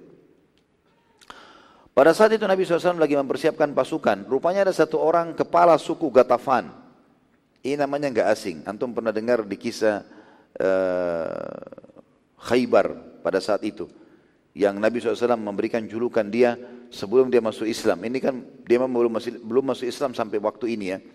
Dikatakan dia si bodoh yang dipatuhi kepala suku Atafan. Dia dulu yang mau membantu orang-orang Yahudi, gitu kan. Akhirnya dia mengirim pasukan 4.000 atau 5.000 masuk ke benteng Khaybar dan seterusnya, akhirnya dikalahkan. Setelah kalah pun masih minta ganima dengan Nabi SAW. Ya, padahal dia tadinya mau membela orang-orang Yahudi. Ya, yang Nabi SAW mengatakan ada ganima, akabah. Ya. Kalau saya tidak salah disebutkan akabah itu, saya lupa riwayatnya tapi lalu kemudian kata uh, Huyaina Uyainah pada saat itu mengatakan, iya saya mau akabah itu. Kata Nabi SAW, bukan kata di malam kau mimpi. Kalau kau minta sama saya ghanimah, kemudian saya mengatakan kamu kau akan dapatkan akabah itu. Dia mengatakan, iya. Di mana itu hai Muhammad? Kata Nabi SAW, di padang pasir yang jauh sekali, itu ada gunung di sana. Namanya akabah, nggak ada pemiliknya, ambil aja. Hmm. Karena dia tadinya mau berkhianat, dia bantu Yahudi, tidak mau masuk Islam dan coba mau menyerang pasukan muslimin. Setelah itu pun muslimin menang minta ghanimah. Kan aneh. Tapi Ghatafan ini suku besar. Sukunya ini jumlahnya di atas 100 ribu orang gitu kan. Pasukan perangnya dia 10 ribu pasukan kuda semuanya. Uyainah bin Muhsin ini pernah mau masuk Islam saya juga pernah ceritakan teman-teman sekalian sama satu orang sahabatnya tapi ditahan oleh orang lain temannya juga dengan mengatakan tidak usah buru-buru masuk Islam, tunggu saja. Kalau Quraisy tetap dengan kesepakatannya dengan Muhammad, maka bisa saja. Mungkin karena mereka takut sama Muhammad. Tapi kalau mereka mengkhianat, nggak usah untuk apa? Gitu kan? Berarti Quraisy masih kuat. Untuk apa kita beriman kepada Muhammad sementara pasukannya masih dikalahkan? Seperti itulah. Ringkas cerita Uyaina ini, subhanallah dengan hikmah Allah pada saat itu dia datang sendirian. Dia nggak bawa sukunya. Kemudian dia mau masuk di Madinah ditahan. Minta izin kepada Nabi SAW, Nabi dengar Uyainah suruh masuk, masuk. Lalu kemudian dia mengiklankan Islamnya. Dia mengatakan, Ya Rasulullah, saya datang mau masuk Islam. Syahadatlah Uyainah ibn Muhsin. Maka Nabi SAW waktu itu gembira. Dan dia mengatakan, dan ketahuilah wahai Rasulullah, seluruh katafan akan saya bawa. Ini banyak sekali, seratus ribu orang. Saya akan masuk Islam kan semuanya. Kata Nabi SAW, bagus yang kamu lakukan. Gitu kan. Dan lama kemudian datang lagi Akra bin Habis. Ini termasuk kepala sukunya Bani Tamim, suku Tamim. Lalu juga sama, izin masuk ke Madinah mengiklankan keislamannya dan menyampaikan berita gembira kalau sukunya Tamim akan masuk Islam. Baik, sampai sini teman-teman sekalian, ada sebuah kisah tanda kutip pengkhianatan pada saat itu. Kisahnya Hatib bin Abi Balta'ah. Hatib ini radhiyallahu anhu, sahabat Nabi yang mulia sebenarnya dan ahli Badr. Hadir di perang Badr. Karena dia termasuk ahli Badr, maka dia mengetahui penyerangan ke Mekah. Waktu pasukan sahabat mulai bergerak keluar dari Madinah, Hatib bin Nabi Balta ini menulis lembar surat dikasih kepada seorang budak wanita yang disembunyikan di lilitan rambutnya untuk disampaikan ke masyarakat Mekah. Kalau muslimin akan menyerang Mekah. Ini pengkhianatan. Enggak boleh disampaikan ini. Nabi SAW suruh rahasiakan. Gitu kan. Sedangkan tadi saya jelaskan suami saja enggak boleh dihanati, apalagi Rasulullah SAW. Berat sekali. Hatib lalu memberikan surat tersebut kepada wanita yang ia bayar, kemudian menyuruhnya segera menuju ke Mekah, tapi melewati jalan yang tidak akan dilewati oleh pasukan muslimin. Nabi SAW segera memanggil waktu itu Ali bin Abi Thalib dan Zubair bin Awam. Ini dua bisa dikatakan bodyguardnya Nabi. Gitu kan. Orang yang sangat dipercaya, punya keterampilan perang dan luar biasa amanahnya. Maka setelah menghadap, tentu dua-duanya sepupu Nabi SAW ya. Ali bin Abi Thalib, anak paman Nabi, Zubair bin Awam, anak tantenya Nabi. Anaknya Sofia. Baik, keduanya kemudian menghadap Nabi SAW, lalu kata Nabi SAW, Jibril baru saja datang kepada saya, memberitahukan kalau Hatib bin Abi Balta'ah telah mengutus surat membongkar rahasia kita kepada penduduk Mekah. Surat itu dibawa oleh seorang budak wanita dan sekarang dia sedang melewati jalan ini dan jalan itu. Ali bin Abi Thalib dan Ali dan Zubair tahu jalan itu. Kejarlah dia dan ambillah surat itu darinya. Tanpa banyak bicara, Ali dan Zubair keluar tanpa menginformasikan ke orang Madinah, saya kami diutus oleh Rasulullah untuk membongkar kedoknya si wanita, enggak ada. Seperti sebagian orang begitu. Baru tugas kantor sedikit satu kampung semua tahu. Ya. Dia rahasia. Jalan, jelaskan tugas. Seperti itulah. Maka jalan dua orang ini sampai akhirnya menemui wanita tersebut. Dan pada saat ketemu dengan wanita tersebut, kata Ali bin Abi Thalib, berhentilah, wahai hamba Allah. Dan keluarkan surat yang ditulis oleh Hatib bin Abi Balta dan serahkan kepada kami, karena Rasulullah SAW telah mendapatkan wahyu tentang masalah itu. Awalnya, wanita itu terus menolak. Karena dia sudah dibayar, maka Ali bin Abi Thalib mengatakan kalimat, kalau seandainya kau tidak mau menyerahkan, maka kami akan mengambil secara paksa sambil henuskan pedang. Dan dalam masalah pengkhianatan seperti ini tidak mengenal lagi laki-laki atau perempuan nih. Kalaupun dia perempuan tapi dia mengkhianat dia mata-mata dihukum, gitu kan. Maka di sini teman-teman sekalian wanita tersebut karena tahu Ali bin Abi Thalib siapa. Tahu orang ini sangat perkasa, kuat, tegas, nggak main-main soal masalah ini. Maka dia pun takut, maka dia mengatakan baiklah, alihkan pandangan mata kalian. Karena rupanya dia sembunyikan di belakang hijabnya di rambutnya dililit lalu dia pakai jilbab gitu kan muslimah ini gitu. Maka pada saat itu pun Ali bin Abi Thalib dan Zubair mengalihkan lalu kemudian surat tersebut dikeluarkan lalu dilemparkan ke arah Ali bin Abi Thalib. Pada saat itu Ali bin Abi Thalib dan Zubair pun radhiyallahu anhu membawa surat itu kepada Nabi SAW lalu Nabi SAW mengatakan kumpulkan seluruh sahabat pilihan tadi ahli Badar termasuk Hatib panggil. Nabi SAW lalu bertanya di depan para sahabat dihakimi Hatib ini. Apa yang kau lakukan ini Hatib? Hatib berkata, wahai utusan Allah, aku sama sekali demi Allah tidak pernah meragukan sedikit pun tentang kenabian dan kerasulan anda. Tapi kalian semua tahu, kalau keluarga kalian ada di Mekah, dan keluarga itu dilindungi oleh masyarakat Mekah, sementara aku ini memiliki istri dan anak di Mekah, yang tidak ada orang melindunginya. Maka aku ingin punya jasa kepada masyarakat Mekah, supaya mereka melindungi keluargaku minimal. Dan aku sudah yakin pasti juga akan menang muslimin. Maka tidak ada niat sebenarnya berkhianat. Maka Nabi SAW mengatakan, tapi bagaimana caranya? Kau bisa ingin membela keluargamu, istri, anakmu, lalu kau berkhianat, mengkhianati muslimin. Kalau mereka punya persiapan, maka itu akan memperpanjang peperangan. Maka hati pun terdiam dan tahu kalau dia salah, Umar bin Khattab menghenuskan pedangnya. Lalu berkata, Ya Rasulullah, biarkan aku memenggal kepalanya Hatib. Ini pengkhianat, munafik. Jelas-jelas nggak boleh beritain, kenapa diberitain? Alasan istri sama anak. Maka Nabi SAW mengatakan, tidak hai Umar. Sungguh Allah telah berfirman kepada orang-orang yang hadir di Badar, berbuatlah semau kalian karena aku telah memaafkan kalian. Ini juga pelajaran penting teman-teman sekalian. Bagaimana baginda Nabi SAW mengajarkan kepada kita poin penting tentang harusnya menilai kebaikan dan jasa orang. Itu penting. Orang kalau punya jasa dalam kehidupan kita, punya kedudukan, punya ilmu, maka kebaikan bagi kita harus dikenang. Gak boleh tidak. Umar bin Khattab berkata dalam satu dalam satu kisah beliau dalam sebuah asar, aku akan terus berterima kasih pada seseorang yang mengingatkan satu kesalahanku. Begitu pula dengan Ali bin Abi Thalib mengatakan aku siap berkhidmah dari orang yang mengajarkan aku satu ilmu. Islam mengajarkan kita mengetahui jasa orang lain. Jangan orang sudah khidmah kepada kita sekian tahun, kemudian dengan satu kesalahan kita lupain semuanya. Enggak boleh. Suami istri misalnya, berapa tahun istri kita berkhidmah dengan kita? Masak, cuci baju, urus anak, lalu kemudian satu kesalahan diceraikan. Atau berapa tahun suami kita telah membiayai kita? Lalu kemudian dengan satu kesalahannya, lalu kemudian kita cerai. Rusak semuanya rumah tangga. Berapa kali sahabat kita berbuat baik dengan kita. Di malam hari menyambut kita, menerima apa yang kita sampaikan dari masalah keluh kesah, membantu. Lalu dengan satu kali dia tidak bisa bantu, ditinggalkan. Dan seterusnya. Ya. Maka ini semua tidak boleh teman-teman sekalian. Kita harus tahu mengetahui jasa orang. Bagaimana dia telah berperan, bagaimana dia telah memberikan kepada kita sesuatu yang bisa membantu kita lebih baik. Ya, dan ini perlu digarisbawahi juga teman-teman sekalian. Karena ini ajaran Nabi SAW. Hatim bin Abil Balta'a telah berkhianat. Tapi Nabi tahu ini ahli Badr, punya jasa dalam Islam. Enggak boleh sembarangan gitu, ya. Apalagi memang apa yang sedang dia jadikan sebagai target itu belum tercapai.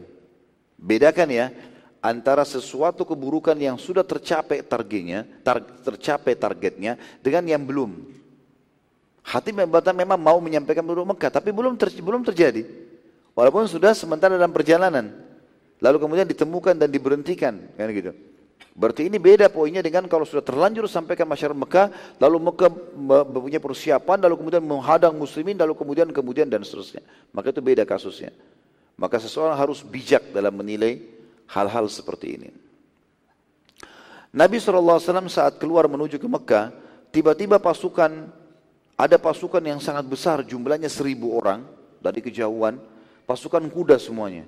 Dan pasukan kuda ini zaman sekarang seperti tank, kuat sekali karena kuda yang dipakai berperang itu dilatih untuk bisa menendang, menyeruduk, ya. Bahkan kuda-kuda peperangan zaman dulu itu bisa menggigit, ya. Bisa menyerang musuhnya, dilatih untuk itu, gitu kan. Bahkan sering kali kadang-kadang ada beberapa kuda yang diletakkan beberapa eh, tombak-tombak uh, yang tajam itu di sisi kiri kanan ya lengan atau kaki kanan dan kaki kiri depannya sehingga pada saat dia menyeruduk itu sambil membunuh musuh. Itu memang ada kuda-kuda terlatih. Maka kuda-kuda yang dipakai peperangan bukan kuda sembarangan ini. Kuda-kuda terlatih. Kalau seribu pasukan kuda bergabung ini berarti kuat sekali. Kekuatan yang luar biasa gitu. Baik. Seribu orang ini ternyata waktu Nabi SAW melihat dan mendekat, Nabi mengatakan, berita gembira telah sampai kepada kalian suku Sulaim. Suku Sulaim, suku Badui terkenal memang ahli perang dan mereka datang ingin masuk Islam sekaligus bergabung dengan pasukan Nabi SAW. Berarti sudah sudah sekarang dari 7.500 menjadi 8.500 orang, gitu kan? Maka bergabunglah suku Sulaim dan mereka syahadat dalam perjalanan itu.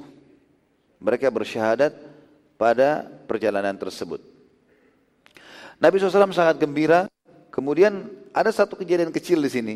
Dan ini juga fenomena kehidupan teman-teman. Kita harus tahu ya. Kalau di zaman Nabi SAW saya terjadi ini apalagi di zaman kita ini. Biasa itu. Kalau di sekitar kita ada orang hasut, ada orang cemburu, ada orang yang tidak suka. Walaupun muslim, ada saja. Terjadi di zaman Nabi SAW. Di antaranya adalah kejadian Uyainah bin Muhsin ini. Yang tadi kepala suku Gatafan. Rupanya dia waktu lihat suku Sulaim datang bergabung dengan seribu orang. Lalu bergabung baru masuk Islam sudah ikut jihad. Dan jihad dengan Nabi SAW ini berarti kemuliaan. Berperang sama Nabi sebuah kemuliaan, dikenang sepanjang masa. Seperti sekarang kita sudah 1400 tahun kita masih mengenang nama-nama ini. Tahu, dipelajari. Mungkin sampai menjelang hari kiamat akan banyak dai-dai yang menyampaikan tentang kisah mereka terkenang sepanjang masa. Pahalanya besar. Dan Nabi SAW umumnya menang. Dan kalau menang dapat ghanimah yang banyak. Nanti kita lihat ghanimah melimpah sekali ini. Dari perang Mekah dan perang Hunain melimpah sekali ghanimah harta rampasan perang. Maka Uyainah cemburu. Kenapa suku Sulaim berhasil datang dengan sukunya, saya datang sendiri. Tapi dia bukan mesalahin dirinya sendiri, enggak, dia buat masalah. Ada orang begitu, dia bukan bergeram buat diri sendiri, dia gelorakan untuk buat masalah dengan orang lain. Ya. Maka apa yang terjadi teman-teman sekalian? Dia menyebarkan isu mengatakan suku Sulaim, wah bukan ahli perang. Ahli perang itu suku Gatafan. Padahal sebenarnya bermula dari apa? Cemburu hatinya. Tidak ada hubungannya. Kenapa dia nggak bawa suku itu salah dia sendiri kan gitu. Tapi semuanya dia gelorakan itu. Mendengar itu, suku Sulaim orang baru masuk Islam. Tidak ada ilmunya ini. Baru syahadat. Dengar Uyainah bilang begitu, tiba-tiba kepala sukunya menyuruh seribu pasukan menghadap ke Uyainah. Lalu kata dia, hai Uyainah, kalau kau mau, sekarang kami bisa melangkah pergi ke Tafan memerangi sukumu. Hampir ribut ini gara-gara ini. Gara-gara ini saja, hasut hati ini, bahaya sekali. Sebenarnya tadi Uyainah sederhana. Dia suka, sudah dia sendiri kan gitu. Ini enggak, dia sebarin isu. Maka di sini pelajaran juga teman-teman sekalian. Banyak hal yang diambil pelajaran. Dan insya Allah dalam buku sirah yang akan diterbitkan, insya Allah yang saya tulis ini, setiap beberapa lembar akan ada satu lembar nanti khusus untuk pelajaran yang diambil. Kemudian saya juga sisihkan nanti di satu lembar setelahnya, itu lembaran kosong, tulisannya itu catatan. Pembaca nanti bisa menulis sendiri apa yang dia bisa ambil pelajaran dari beberapa paragraf itu. Supaya bisa betul-betul mengambil hikmah-hikmah yang sangat besar. Karena kalau kita hanya sekedar lewat begitu saja, maka cuma seperti sebuah kisah saja. Tapi tidak, kita ambil ibrah dan pelajaran. Pelajaran banyak sekali dan hukum-hukum syari banyak yang bisa diambil. Di antaranya juga adalah bagaimana di tengah-tengah muslimin bisa terjadi ini. Dan kita lihat bagaimana Nabi SAW menyelesaikan perkara seperti ini. Dan juga bagaimana ada di antara kaum muslimin yang hatinya hasud. Jangan pernah berpikir teman-teman antum kalau sudah berhasil lalu tidak ada yang hasut. Ada. Ada orang yang hasut dia kekang sendiri, ada orang enggak, digelorakan, dikeluarkan. Juga dari sisi lain, ilmu syar'i berpengaruh besar. Karena uh, eh, Uyaina dan suku Sulaim baru masuk Islam, belum punya ilmu agama, maka beda perilaku mereka seperti para sahabat yang sudah lama masuk Islam, ilmunya sudah dalam, maka ilmu bisa menjadi pengawas dan pengontrol buat dia. Uyaina pada saat itu merasa rugi dan cemburu kenapa ia dan sukunya tidak mendapatkan kemuliaan tersebut. Bila ia kembali memanggil sukunya, maka sangat jauh. Gatafan jauh sekali. Perjalanan kurang lebih seminggu baru sampai ke sana. Dan tidak ada kayak zaman sekarang kita media tinggal telepon datang ya, ada pesawat, ada apa, bisa cepat. Zaman dulu orang pakai kuda. Itu pun kalau selamat pulang. Belum tentu mungkin bisa diserang oleh penjahat, perampok di tengah jalan. Dan kemungkinan kalau dia pulang ngajak, ngajak sukunya, butuh negosiasi dulu, itu pun akan membuat dia luput dari peperangan bersama Nabi Wasallam. Akhirnya tidak dapat ghanimah. Karena targetnya juga dia adalah mendapatkan ghanimah. Sebagaimana kita jelaskan nanti pada saat pembagian ghanimah di perang Hunain. Uyainya lalu mendatangi Nabi SAW dan berkata, Demi Allah wahai utusan Allah, kami tidak tahu kalau anda akan berperang. Demi Allah kalau seandainya kami tahu kami akan datang semua. Nabi SAW menjawab, perhatikan, di sini sistematis sekali. Kata Nabi SAW, ya sudah begini kejadiannya. Ini sekarang keadaannya.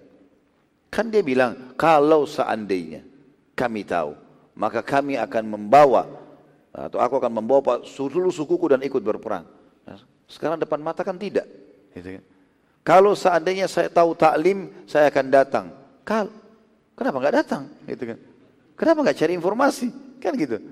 Maka nggak nggak ada. Kalau dijawab, kalau seandainya saya tahu ya, ya begitulah. Kamu lupa ya sudah. Mau diapain lagi? Kan gitu. Lalai sendiri seperti itu ya. Uyainah bin Muhsin waktu itu melihat kekuatan Nabi SAW dan muslimin, terutama kasus Khaybar. Bagaimana Seluruh benteng Khaybar takluk di tangan Nabi SAW hanya dengan 1.400 orang pasukan pada saat itu. Kurang lebih jumlahnya. Melawan 10.000 pasukan Yahudi. Dan seluruh Yahudi dikuasai. Hanya mereka menjadi budaknya muslimin dan seluruh kekayaan Khaybar menjadi milik muslimin. Ya, ini sudah kita pelajari di perang Khaybar waktu itu. Dan bagaimana pada saat itu Nabi SAW pulang membawa kemuliaan dan waktu itu 1.400 orang. Sekarang Pasukan yang keluar 7.500. Ini berarti lima kali lipat dari kekuatan dibawa ke Khaybar. Maka ini pasti lebih kuat, lebih besar dan akan menyerang wilayah lebih besar pastinya. Walaupun Dia belum tahu kalau akan menyerang Mekah. Selang beberapa langkah saja dalam perjalanan, menyusul lagi suku Arab yang lain bergabung dan menyatakan masuk Islam. Hal ini makin menambah kegembiraan Nabi Shallallahu Alaihi Wasallam. Hanya saja bagi Uyainya ini semua kecemburuan. Orang-orang datang masuk Islam, satu suku masuk, setengah sukunya masuk. Minimal orang datang 10-20 orang masuk Islam satu keluarga dan ikut berperang sama dia sendiri, gitu kan. Dan ini sudah pernah kita jelaskan, dulu dia pernah mau masuk Islam sebenarnya, tapi dia tunda sendiri karena ingin memastikan kekuatan Nabi alaihi. Nabi SAW waktu itu memerintahkan 200 pasukan berkuda, disuruh maju ke depan, jauh. Dari salah satu strategi perang Nabi SAW, pergi ke depan, jauh sampai tidak terlihat, membuka jalan-jalan membuka jalan-jalan agar ya memberitahukan informasi kalau ada sesuatu. Ya. Mereka lebih dulu dan dipimpin di depannya pada saat itu Khalid bin Walid. Dan Khalid bin Walid pada saat itu ya, baru masuk Islam. Ya. Belum lama masuk Islam. Dan waktu itu Khalid bin Walid tidak boleh melakukan apa-apa kecuali mengikuti instruksi Nabi SAW. Nabi bilang berhenti berhenti kanan kanan kiri kiri. Ya. Disuruh jalan jalan lurus terus sampai ke bukit sana. Khalid jalan terus, Khalid jalan sampai berhenti di situ. Tunggu lagi. Instruksi Nabi, ke kanan, ke kanan, ke kiri, ke kiri. Seperti itulah. Ya. Nabi SAW mengarahkan pasukan waktu itu ke arah suku Hawazim di sekitar kota Taif. Jadi kalau kita gambarkan misalnya uh, layar laptop ini, wilayah uh, kurang lebih selatannya Jazirah Arab. Karena Madinah itu ada di utara, di atas. Makanya dulu kafilah Quraisy kalau mereka ke negeri Syam ke utara Jazirah Arab, mereka harus lewatin Madinah. Maka sering kali muslimin menahan kafilah dagang mereka gitu kan. Sekarang dari Madinah menyerang ke Mekah, berarti dari atas dari utara ke selatan. Nah pada saat Nabi SAW mau ke selatan, di selatan ini ada dua arah jalan pada saat itu. Kalau lurus saja itu akan ke Mekah. Kalau ke arah timur, maka itu akan ke kota Taif. Kota Taif sekitar 60 km dari kota Mekah. Waktu itu ada suku Hawazim. Kebetulan memang suku Hawazim ini teman-teman sekalian terkenal pada saat itu. Terdengar berita kalau mereka ingin menyerang Madinah. Maka para sahabat mengatakan, kalau begitu Nabi SAW menginginkan Hawazim. Gitu kan. Nabi sengaja mengatur strategi itu. Nanti kalau sudah dekat Hawazim, baru Nabi belokkan ke arah Mekah. Maka pada saat itu teman-teman sekalian, Nabi SAW mengutus beberapa sahabat untuk memantau wilayah kiri kanan dan perjalanan ini berjalan. Terus sementara Quraisy belum tahu kalau pasukan sudah jalan. Karena Abu Sufyan juga tidak berpikir hari pertama dia keluar pasukan sudah terkumpul sebanyak itu. Gak ada sama sekali pikiran dia. Pada saat itu teman-teman sekalian, Hawazim memang sedang berpikir untuk menyerang Madinah dan secara tidak sengaja dengan hikmah Allah ada mata-mata yang diutus oleh Hawazim ingin ke Madinah. Dan waktu itu jalan untuk menuju ke Madinah, jalan yang dilewati oleh muslimin ini, yang sedang menuju ke sana. Lalu Khalid bin Walid menangkap mata-mata tersebut. Khalid bin Walid kebetulan bertanya kepada dia, dari mana kamu? Dia bilang dari suku Gafar.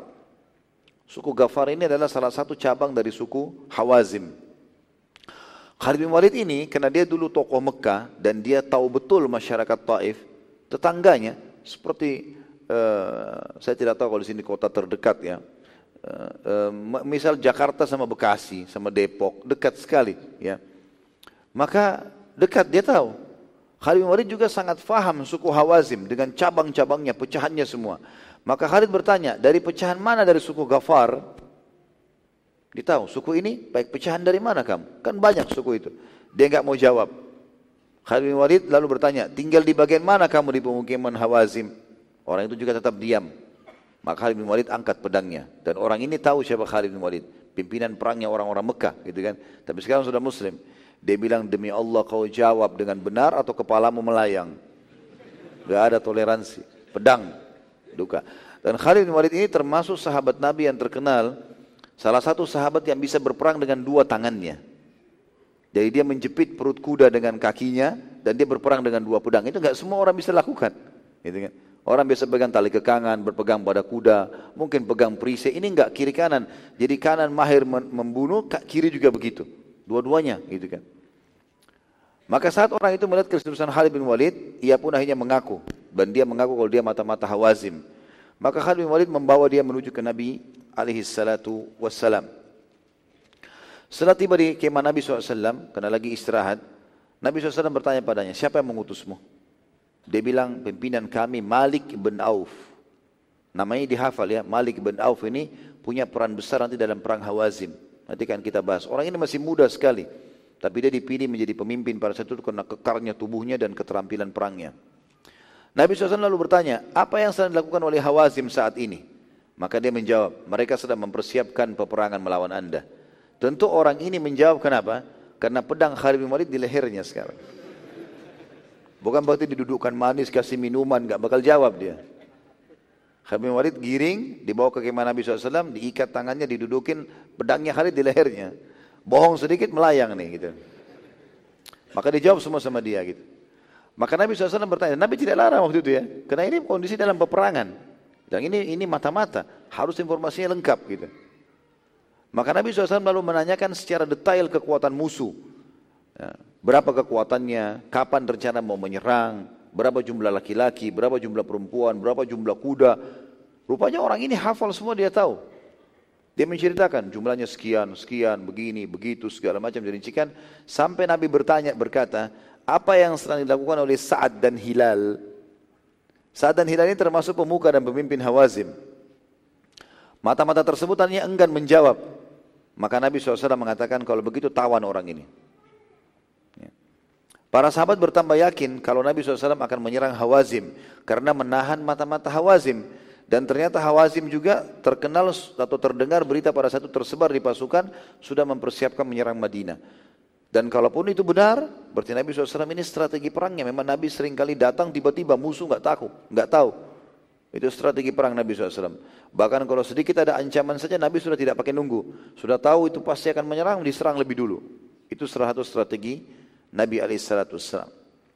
Pada saat mendekati wilayah suku Hawazim ini, tiba-tiba Nabi SAW sudah dekat sekali. Pintu gerbang Hawazim, kota Taif sudah kelihatan. Sudah dekat. Jadi biasanya kalau begitu Nabi SAW suruh tancapin kemah, kepung. Biasanya begitu. Tiba-tiba Nabi keluarkan instruksi. Belok ke arah barat. Hawazim timur. Ke arah barat.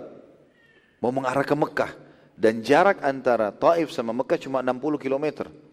Jarak Madinah Mekah 425 km. Jadi sudah dekat sekali. Bisa setengah hari saya sudah sampai ke Mekah. Gitu kan. Atau bahkan kurang dari itu. Hal ini sangat membuat sahabat bingung. Namun ya, mereka mengikuti Nabi Shallallahu Alaihi Wasallam.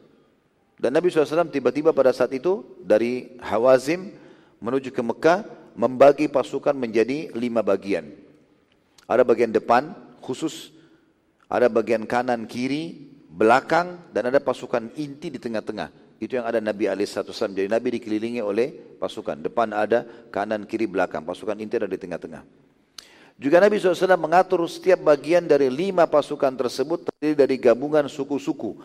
Tiap suku harus bersama anggotanya dengan tujuan mereka tidak melarikan diri karena malu dengan sukunya sendiri. Jadi suku ini berkumpul semua, kalian di bagian sayap sebelah kiri, suku ini sebelah kanan dan seterusnya.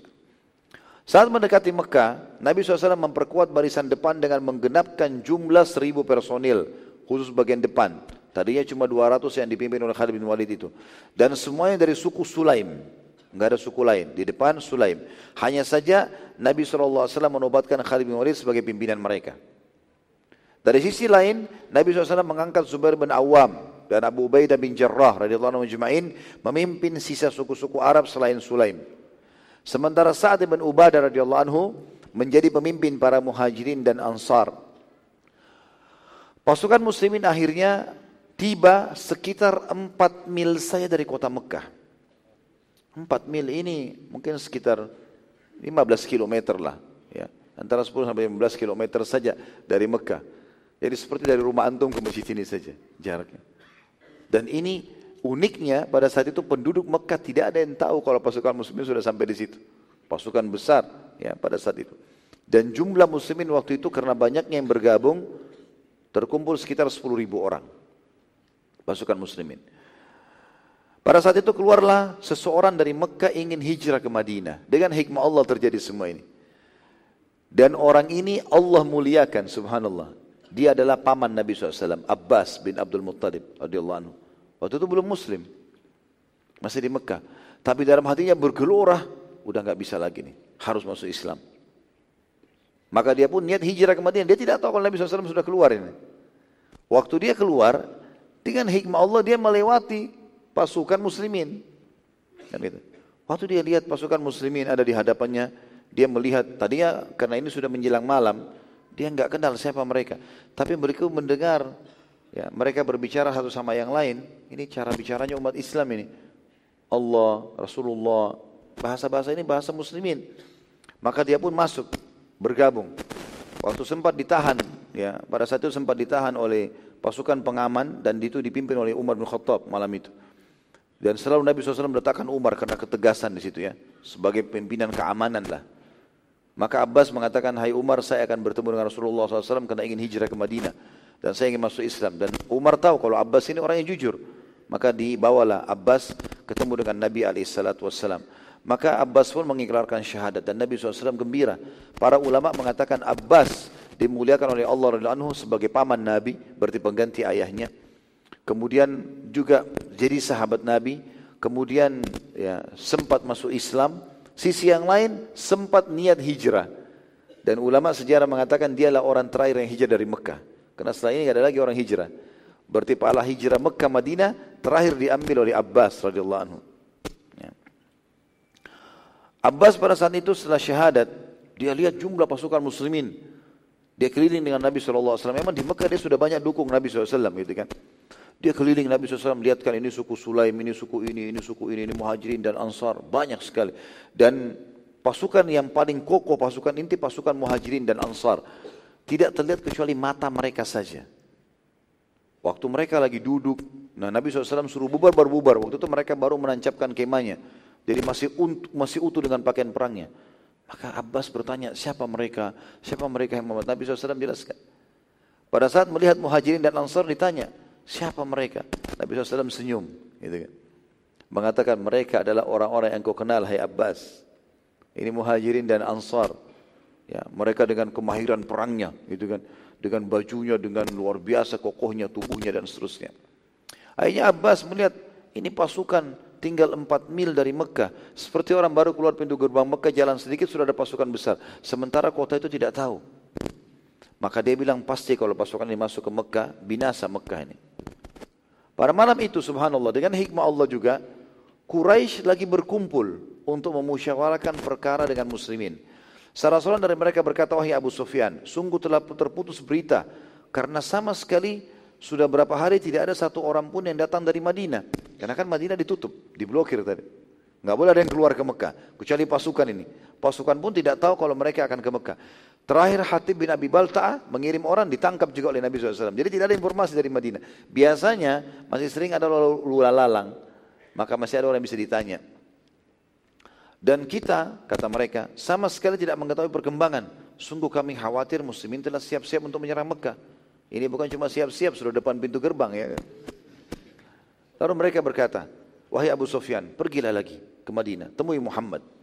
Bila engkau menemui di sekitarnya terkumpul banyak pasukan, maka serahkan saja Mekah sebelum ia memasuki Mekah dengan kekuatan. Bila di sisinya Muhammad ada pasukan kecil, enggak usah menyerah dan kembali kepada kami beritakan supaya kami punya persiapan untuk menghadapinya. Itu di malam itu yang pasukan muslimin sudah depan pintu gerbang mereka, baru mau mempersiapkan diri. Abu Sufyan pada saat itu mengatakan baiklah, saya akan ke Madinah. Besok saya akan ke Madinah, besok. Malam ini saya akan keliling-keliling dulu. Dengan hikmah Allah, Abu Sufyan keluar sendirian dari pintu gerbang. Jalan di tempat jalannya Abbas tadi. Gitu kan. Dia lihat di depannya dia api unggun, kemah-kemah banyak, 10 ribu orang. Banyak sekali, gitu kan. Mungkin bisa berapa kali lipat ya dari uh, jumlah penduduk Mekah yang siap berperang pada saat itu. Abu Sufyan lalu bertanya-tanya, siapa mereka ini? Ada apa mereka berkumpul di sini? Waktu dia lagi sementara bertanya-tanya, dia menyelinap sana sini, tidak sengaja dia ketemu dengan pimpinan Khuza'ah, Huzail bin Warqa radhiyallahu anhu, yang tadi sempat ke Madinah kemudian balik lagi gitu kan. Hudzair bin Warqa ini sudah dapat informasi, ada informasi Nabi kirimkan ke dia. Kalau pasukan akan keluar dan sudah ada perhitungan. Kalau betul berarti malam itu pasukan muslimin sudah sampai. Dan ternyata betul dia lagi keliling nyari-nyari mana pasukan ini. Karena Nabi SAW belum kirim ke dia informasi. Dia lihat api unggun itu rame-rame. Dia dari satu sisi, Abu Sufyan dari satu sisi. Tengah-tengah sana pasukan gitu kan. Maka ketemu tidak sengaja. Lalu Abu Sufyan bilang, wahai Huzail, siapa mereka ini? Huzail waktu itu tahu kalau ini muslimin, tidak mungkin orang lain. Karena sudah ada kesepakatan janji pada saat itu.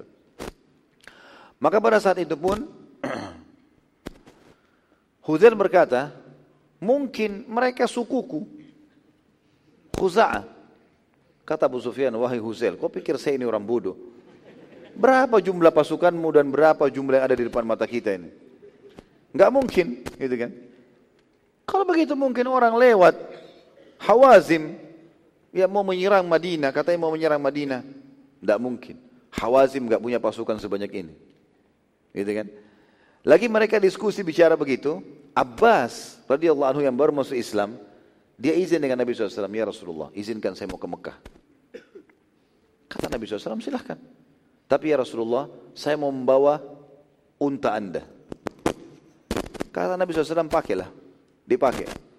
Niatnya Abbas ingin pulang, mau berbicara sama Abu Sufyan berdua.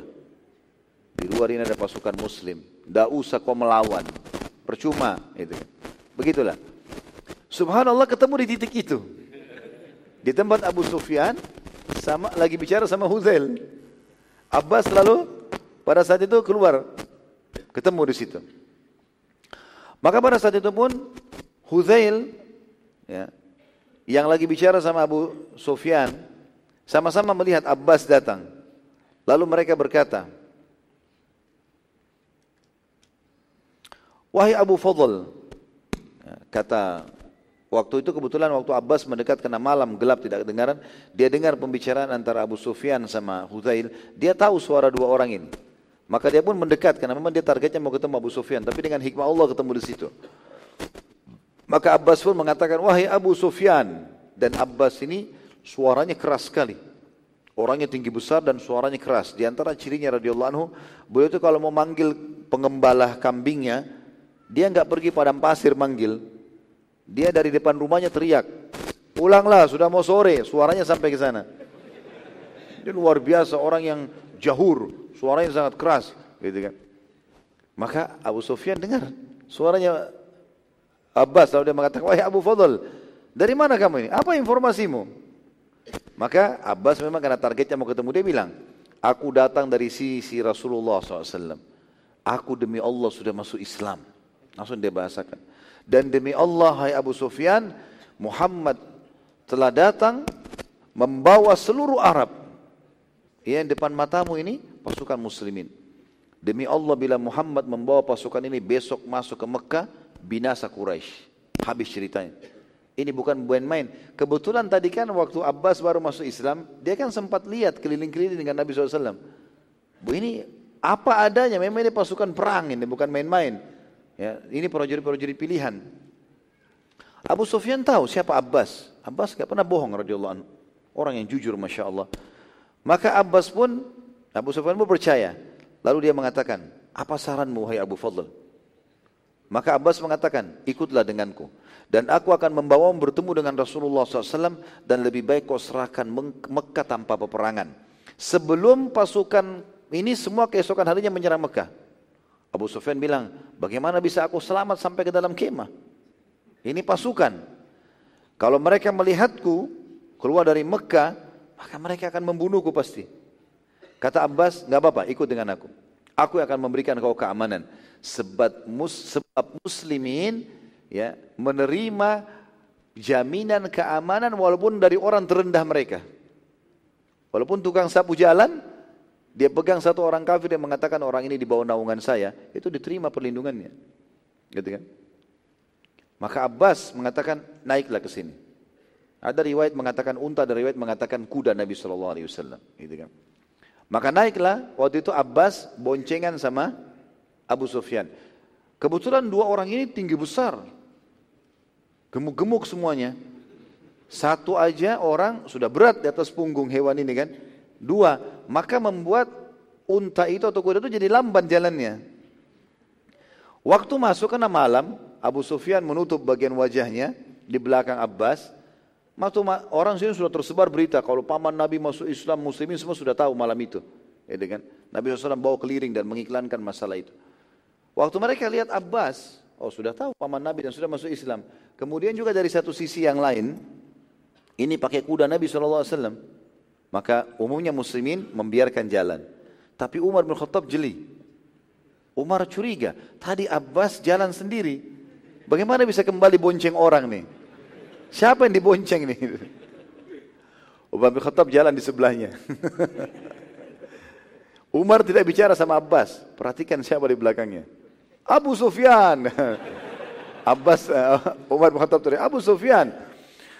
Alhamdulillah yang telah mengutus kamu kepadaku tanpa ada perdamaian. Ajalmu sudah tiba malam ini. Kepala kekufuran. Gak ada ceritanya nih. Maka kata Abbas, wahai Umar, dari bawah naunganku. Gak ada naungan bagi orang kafir kayak dia. Kata Ab kata Umar. Abbas berkata, wahai Umar, ingatlah, ini di bawah naunganku. Gitu kan? Kata Umar, tidak bisa. Orang ini tidak akan dapat jaminan kecuali Rasulullah yang kasih jaminan. Sekarang saya pemimpin keamanan. Tugas saya orang kafir, saya tebas atau tidak itu hak saya. Gitu kan. Umar bin Khattab juga orangnya besar, tapi waktu itu malam-malam kebetulan Umar waktu berjaga-jaga karena bukan waktu untuk berperang. Umar tidak pakai kuda, pakai keledai. Keledai kecil. Umar besar. Maka mulailah bertanding untanya Nabi SAW yang beratnya dua orang ini sama keledainya Umar. Menuju ke mana? Ke kemahnya Nabi SAW. Mereka berlumba untuk itu. Siapa lebih dulu sampai? Karena kalau Nabi bilang, bu, Nabi aman kan aman. Kalau enggak, enggak. Maka Umar terus bersebelahan sama Abbas. Begitu tiba di kemah, Abbas turun pegang tangannya Abu Sufyan masuk kemah, Umar juga turun. Bersamaan. Di hadapan Nabi SAW masuk Umar mengatakan, Ya Rasulullah, kepalanya kekafiran Abu Sufyan datang tanpa keamanan. Izinkan saya tebas lehernya. Maka Abbas mengatakan, Ya Rasulullah, di bawah naungan saya, saya lindungi. Maka Nabi SAW mengatakan kepada Umar, biarlah ya Umar. Sudah sampai di kemah. Nasibnya Abu Sufyan lolos waktu itu ya. Akhirnya pada saat itu teman-teman sekalian, Nabi SAW bertanya kepada Abu Sufyan, Wahai Abu Sufyan, apakah belum tiba saatnya engkau mengaku bahwasanya tidak ada Tuhan yang berhak disembah kecuali Allah dan Muhammad adalah utusannya? Belum tiba saatnya kau masuk Islam. Abu Sufyan bilang, demi Allah, bila ada Tuhan selain Allah, maka pasti akan bermanfaat buat kami hari ini. Tapi dia belum mau masuk Islam, belum mengucapkan syahadat di sini. Nabi SAW berkata lagi, apakah belum tiba saatnya kau mengakui Allah itu adalah Tuhan, satu-satunya tidak ada sekutu bagi dan aku adalah utusan Allah? Abu Sufyan mengatakan, kalau yang ini masih ada keraguan dalam hatiku, khusus mengakui kamu sebagai Nabi, masih ada keraguan dalam hati. Ya. Abbas lalu pada saat mendengar jawaban Abu Sufyan marah seraya berkata, masuk Islam wahai Abu Sufyan. Demi Allah bila Rasulullah SAW memasuki Mekah dengan kekuatan maka sejarah Quraisy hilang selamanya. Bagaimana bisa engkau masih ragu akan kerasulannya sementara sudah nyata di hadapan matamu kemenangan yang Allah berikan? Akhirnya Abu Sufyan waktu itu masih sempat ragu. Tapi dia takut. Maka dia masuk Islam. Depan Umar dan depan semua dia syahadat. Di sini ahli sebagian ahli sejarah mengatakan sempat masih ada keraguan dalam hatinya dan itu nanti terlihat setelah Nabi SAW bebasin kota Mekah. Dan wahyu nanti yang akan membuat akhirnya Abu Sufyan radhiyallahu anhu hatinya kokoh dengan Islam. Ini masih mu'allaf baru masuk Islam. Syahadat. Malam-malam dia kena ketakutan lihat pasukan muslimin lalu akhirnya dia syahadat. Nabi SAW mengetahui hal itu sebenarnya. Tahu kalau hatinya Abu Sufyan ini masih ganjal gitu kan. Namun Nabi SAW berkata kepada Abbas, ia nginap denganmu malam ini. Jangan biarkan dia pulang ke Mekah. Dan bawa ia pagi hari menghadap ke kepadaku. Nanti habis sholat subuh, suruh dia hadir ke sini. Terbit matahari sebelum penyerangan Mekah, bawa dia ke sini. Abbas mengatakan, wahai Rasulullah, Abu Sufyan orang yang suka kedudukan. Maka berikan dia kedudukan. Maka Nabi SAW mengatakan, menghadap ke Abu Sufyan lalu berkata, siapa pun yang memasuki rumahmu hai Abu Sufyan besok, pada saat kami nyerang Mekah, maka dia akan aman. Abu Sufyan lalu berkata, wahai utusan Allah, rumahku masih kecil, nggak cukup untuk seluruh penduduk Mekah. Maka kata Nabi SAW, siapa yang memasuki ya, siapa yang memasuki Masjidil Haram, maka dia aman. Kata Abu Sufyan, masjid juga belum cukup ya Rasulullah. Enggak bisa menampung penduduk Mekah. Berarti yang tidak masuk ke rumah Abu Sufyan, tidak masuk ke Masjidil Haram, halal darahnya dibantai. Maka kata Nabi SAW, siapa pun yang mas, yang menutup pintu rumahnya, enggak ikut-ikutan, maka dia aman. Maka pada saat itu Abu Sufyan pun berkata kalau ini cukup luas. Abu Sufyan lalu balik ya. Pada saat itu tentu saja di sini ada Abu Sufyan ditahan malam itu di Mekah, besok dia akan balik paginya. Sebelum dia balik, di pagi hari setelah selepas sholat subuh, Nabi SAW suruh seluruh pasukan muslimin, tidak terkecuali menyusun seperti Nabi SAW perintahkan. Lima kali pasukan, depan, belakang, kanan, kiri. Masing-masing terdiri dari ya 2000 pasukan, 2000, 2000, 2000, 2000, 2000, 10.000 orang. Semuanya. Pada hari itu teman-teman sekalian, Nabi SAW duduk memanggil Abbas suruh bawa Abu Sufyan. Lalu suruh pasukan lewat di depan. Lewatlah pasukan pertama yang di depan yang siap menyerang. Dipimpin Khalid bin Walid dan Bani Sulaim seribu tambah suku-suku Arab yang lain. Lewat. Lalu Nabi SAW perintahkan, setiap kali lewat di depan saya, tunjukkan keterampilan kalian. Lewatlah 2000 orang, pasukan banyak dengan siap, dengan siaga, pasukan kuda lagi semuanya, 2000 orang, lalu menunjukkan keterampilan mereka. Lewatlah 2000 itu. Abu Sufyan lihat, Abu Sufyan tanya, siapa mereka itu? Kata Nabi SAW, Bani Sulaim. Kata Abu Sufyan, apa urusannya saya sama Bani Sulaim? Gitu. Enggak ada urusan sama Bani Sulaim, kenapa bisa tiba-tiba ikut? Kata Nabi SAW, mereka sudah masuk Islam. Ya. Lalu kemudian pada saat itu tentu ada riwayat lainnya. Saya jelaskan juga riwayat lain. Waktu itu Nabi Wasallam menyuruh pagi hari suruh izinkan Abu Sufyan pulang. Begitu Abu Sufyan sudah mau jalan mendekati pintu gerbang Mekah, lalu Nabi SAW bilang, Hai Abu Sufyan berhentilah, tunggu sebentar, saksikan ini. Lalu Nabi SAW suruh tadi pasukannya lewat, itu kan. Abu Sufyan pada saat itu tentu dalam riwayat yang kedua tadi, ya, sempat mengatakan karena Abbas panggil, Hai Abu Sufyan, kembalilah. Maka Abu Sufyan bilang, Hai Abbas, engkau telah membuatku ketakutan. Kenapa suaramu menggelegar seperti itu? Manggil aku lagi. Kata Abbas, sungguh Rasulullah SAW ya, telah memanggilmu dan menyuruhmu kembali dan menyaksikan ini. Maka Abu Sufyan pun kembali Sampai dia mengatakan waktu itu karena Abbas, karena Abu Sufyan sempat ketakutan. Kata Abbas, aku tidak sangka kalau ketakutan sampai pada tingkat ini pada dirimu. Gemetar ketakutan gitu. Maka kemudian Abbas berkata, ya, Abu Sufyan mengatakan memang ada apa? Kata Abbas, Rasulullah memerintahkan aku untuk memanggilmu kembali. Maka kembalilah Abu Sufyan, kemudian terjadilah tadi apa yang disampaikan itu. Setiap 2000 pasukan mereka melangkah dan melewati di hadapan Nabi SAW dan Abu Sufyan serta juga Abbas. Dan setiap kali lewat disuruh tunjukkan keterampilan lalu bertakbir. Serentak, semuanya takbirnya serentak. Seribu dua ribu orang serentak semua. Allahu Akbar gitu. Kemudian di bagian depan pasukan Sulaim ada Khalid bin Walid. Abu Sufyan tahu Khalid bin Walid ini. Kenal. Pasukan pimpinan pasukan perangnya Mekah.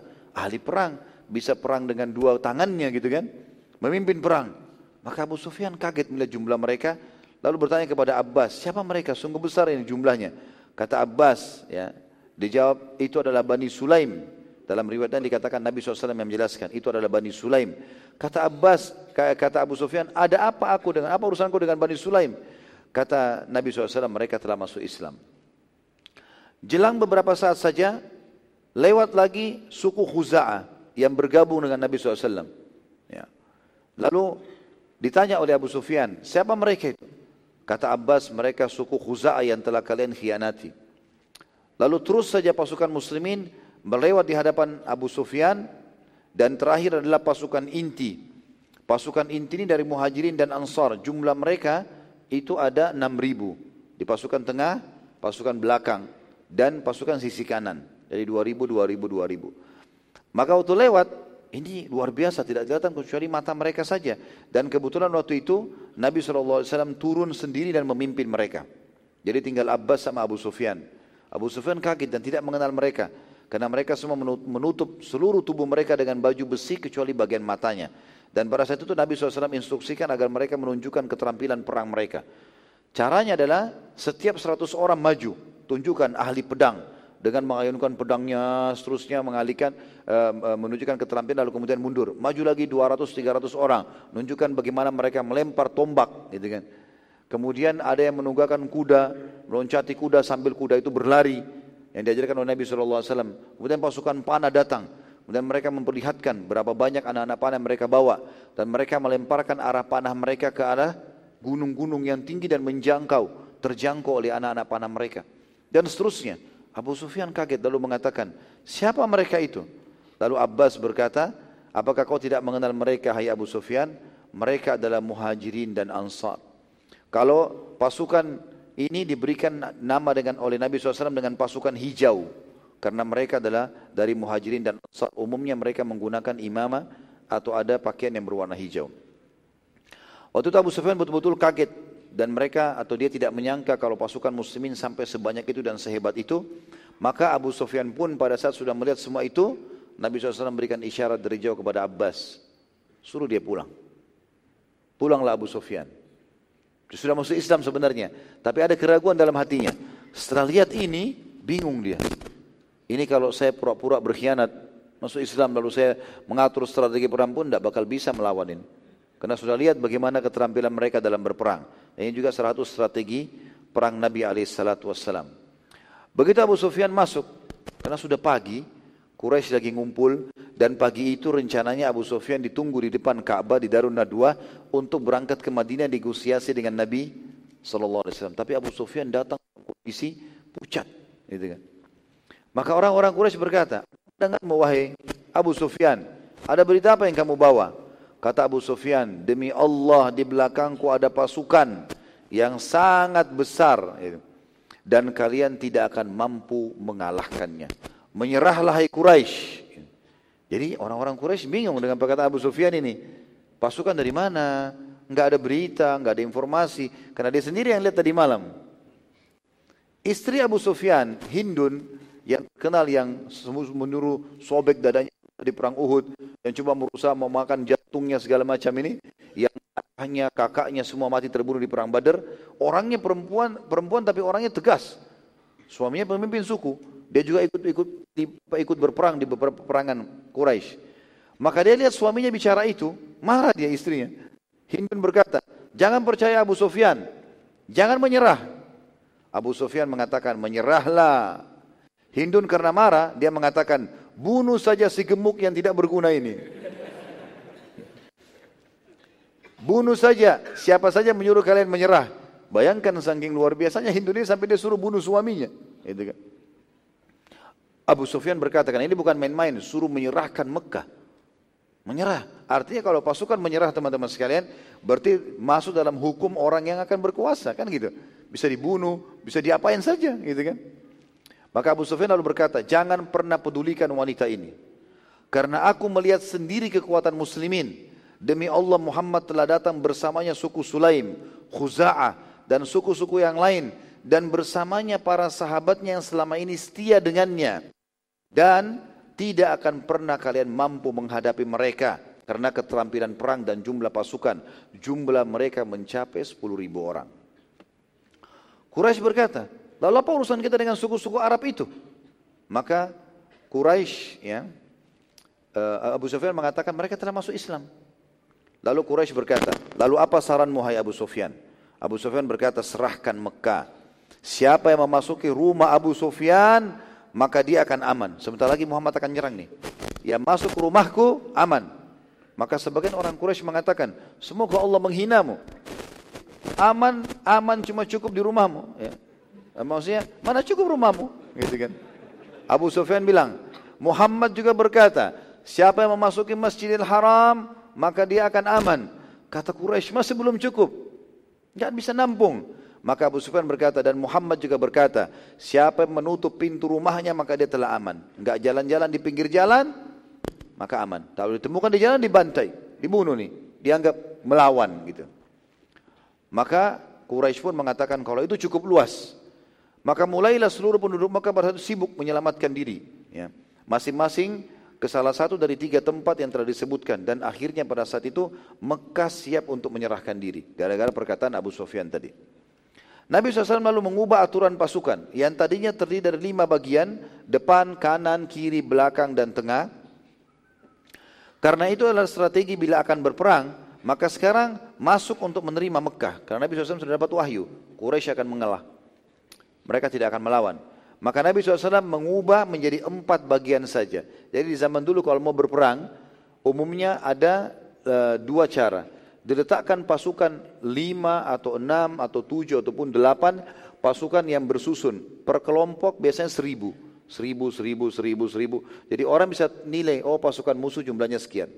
Atau diatur kayak strategi Nabi SAW. Depan ada kanan kiri tengah dan belakang. Ini berarti mereka siap berperang. Tapi kalau pasukan sudah menang umumnya di zaman itu diatur menjadi empat bagian jadi empat bagian ini hanya tidak ada pasukan belakang lagi depan belak, uh, depan, tengah, kanan, kiri gitu. Dan pasukan yang paling depan tetap dipimpin oleh Khalid bin Walid. Sementara bagian tengah dipimpin oleh Zubair dan Abu Ubaidah saat memimpin di bagian baris sebelah kanan dan juga maaf di sebelah kanan kiri di, di kanan dipimpin oleh Zubair dan Abu Ubaidah di sebelah kanan dipimpin oleh Sa'ad dan di tengah-tengah dipimpin oleh Nabi sallallahu alaihi wasallam. Sa'ad bin Ubadah radhiyallahu anhu pada saat itu melihat ya atau Nabi SAW melihat dan pasukan muslimin pintu gerbang sudah dibuka. Menandakan Mekah menyerahkan diri. Begitu masuk pintu gerbang Mekah, saat sempat berteriak dengan suara keras. Waktu masuk pintu gerbang Mekah, dia mengatakan hari ini adalah hari pembantaian. Hari ini hari menghinakan. Hari ini Allah menghinakan Quraisy. Maka Nabi SAW menjawab saat sambil mengatakan, engkau telah berdusta hai saat. Hari ini adalah hari pemaafan dan kemuliaan. Hari ini adalah hari kemuliaan Quraisy. Karena ada berita dari langit kalau mereka akan masuk Islam pada saat itu. Nabi SAW lalu memerintahkan agar bendera ditarik dari Sa'ad dan diberikan kepada anaknya yang bernama Qais bin Sa'ad bin Ubadah agar sukunya dari Ansar tidak kecewa dan faham kalau ini adalah hukuman bagi ayahnya. Ini juga pelajaran teman-teman sekalian ya. Sa'ad bin Ubadah adalah pimpinan orang Ansar dan dia orang seorang sahabat yang imannya bagus sebenarnya. Bila ia berkata demikian, bisa saja sukunya setuju dan akhirnya melanggar instruksi Nabi SAW. Dan akhirnya tidak jadi menerima Mekah dengan ketenangan, tapi akan terjadi pembantaian. Karena saat kepala suku. Juga hikmah, Nabi SAW bagaimana bermuamalah dengan para sahabat dengan memberi bendera justru kepada anaknya dan bukan orang suku yang lain agar saat tidak kecewa dan akhirnya terjadi pemberontakan dari sukunya. Nabi SAW saat memasuki Mekah, segera menuju ke wilayah Gunung Hind yang dikenal sekarang dengan bernama Khif ya wilayah Khif atau Khif Khif adalah wilayah Mekah yang pernah dipakai berkumpul oleh orang-orang Quraisy dan berjanji untuk memerangi dan memusuhi Nabi SAW selama-lamanya. Dan Nabi SAW suruh di situ, kumpul semua di wilayah Khif. Pasukan Islam masuk, kumpul di sana semua. Tunggu saya. Seperti itulah. Nabi SAW memerintahkan seluruh pasukan berkumpul di Khif dan selama perjalanan menuju ke Khif, seluruh Quraisy melihat dari jendela rumah-rumah mereka, pasukan muslimin dan mereka baru menyadari betapa besarnya pasukan tersebut dan sulitnya mereka bila mereka menghadapi pasukan itu. Saat seluruh pasukan sudah tiba di Khif, maka Nabi SAW mengeluarkan instruksi, jangan bunuh siapa pun kecuali sepuluh orang. Sepuluh orang ini bunuh di mana pun kalian temukan mereka. Walaupun mereka bergantung di Ka'bah. Memegang kiswah Ka'bah pun bunuh. Di Mekah kan tidak boleh orang membunuh ya. Makanya Nabi SAW mengatakan sungguh wilayah ini telah diharamkan dan dihalalkan untukku di beberapa waktu saja di siang hari ini. Gitu. Yang pertama yang harus dibunuh adalah Ikrimah bin Abi Jahal. Tentu nanti masuk Islam radhiyallahu anhu. Ada kisah nanti masuk Islam kita ceritakan insya Allah. Ikrimah bin Abi Jahal ini diberintahkan oleh Nabi SAW untuk dibunuh. Wahyu tentunya ya.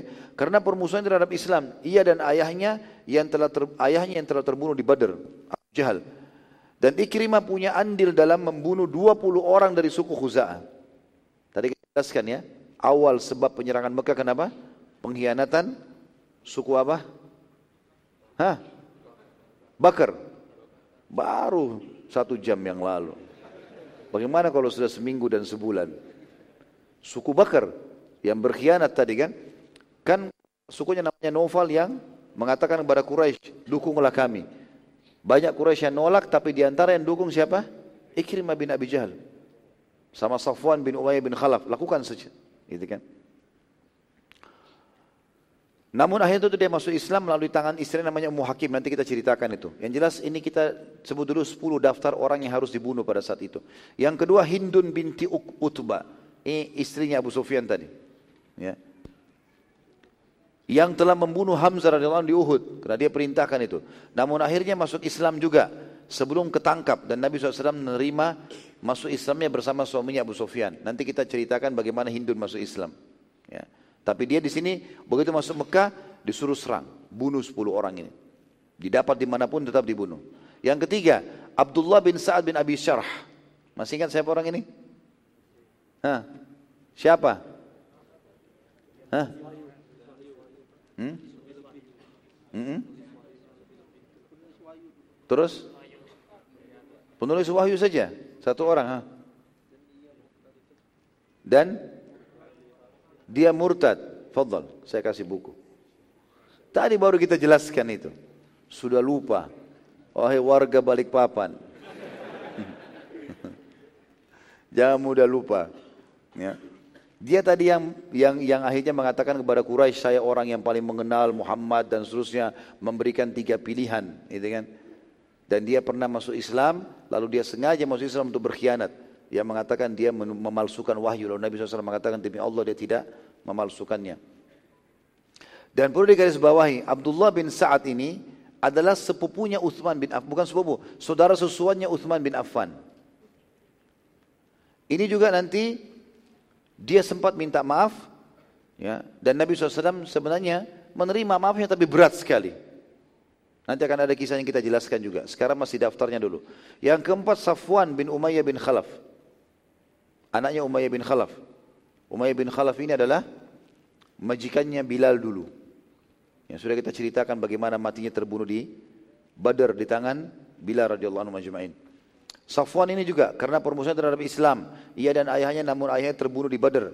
Ia masuk Islam setelah sahabatnya yang lebih dulu masuk Islam yaitu Umair bin Wahab al-Jumahi memintanya untuk meminta keamanan untuk dari Nabi SAW dan akhirnya Nabi SAW menerima. Safwan pun masuk Islam. Yang kelima, yang dari daftar harus dibunuh adalah Muqais atau Mikyas. Khilaf di antara sejarah tentang namanya. Muqais atau Mikyas bin Subabah. Adiknya yang bernama Qais masuk Islam dan terbunuh secara tidak sengaja di Uhud oleh muslimin. Karena pasukan muslimin kacau saat itu.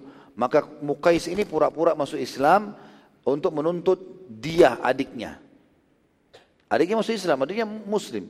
Mati syahid bahkan.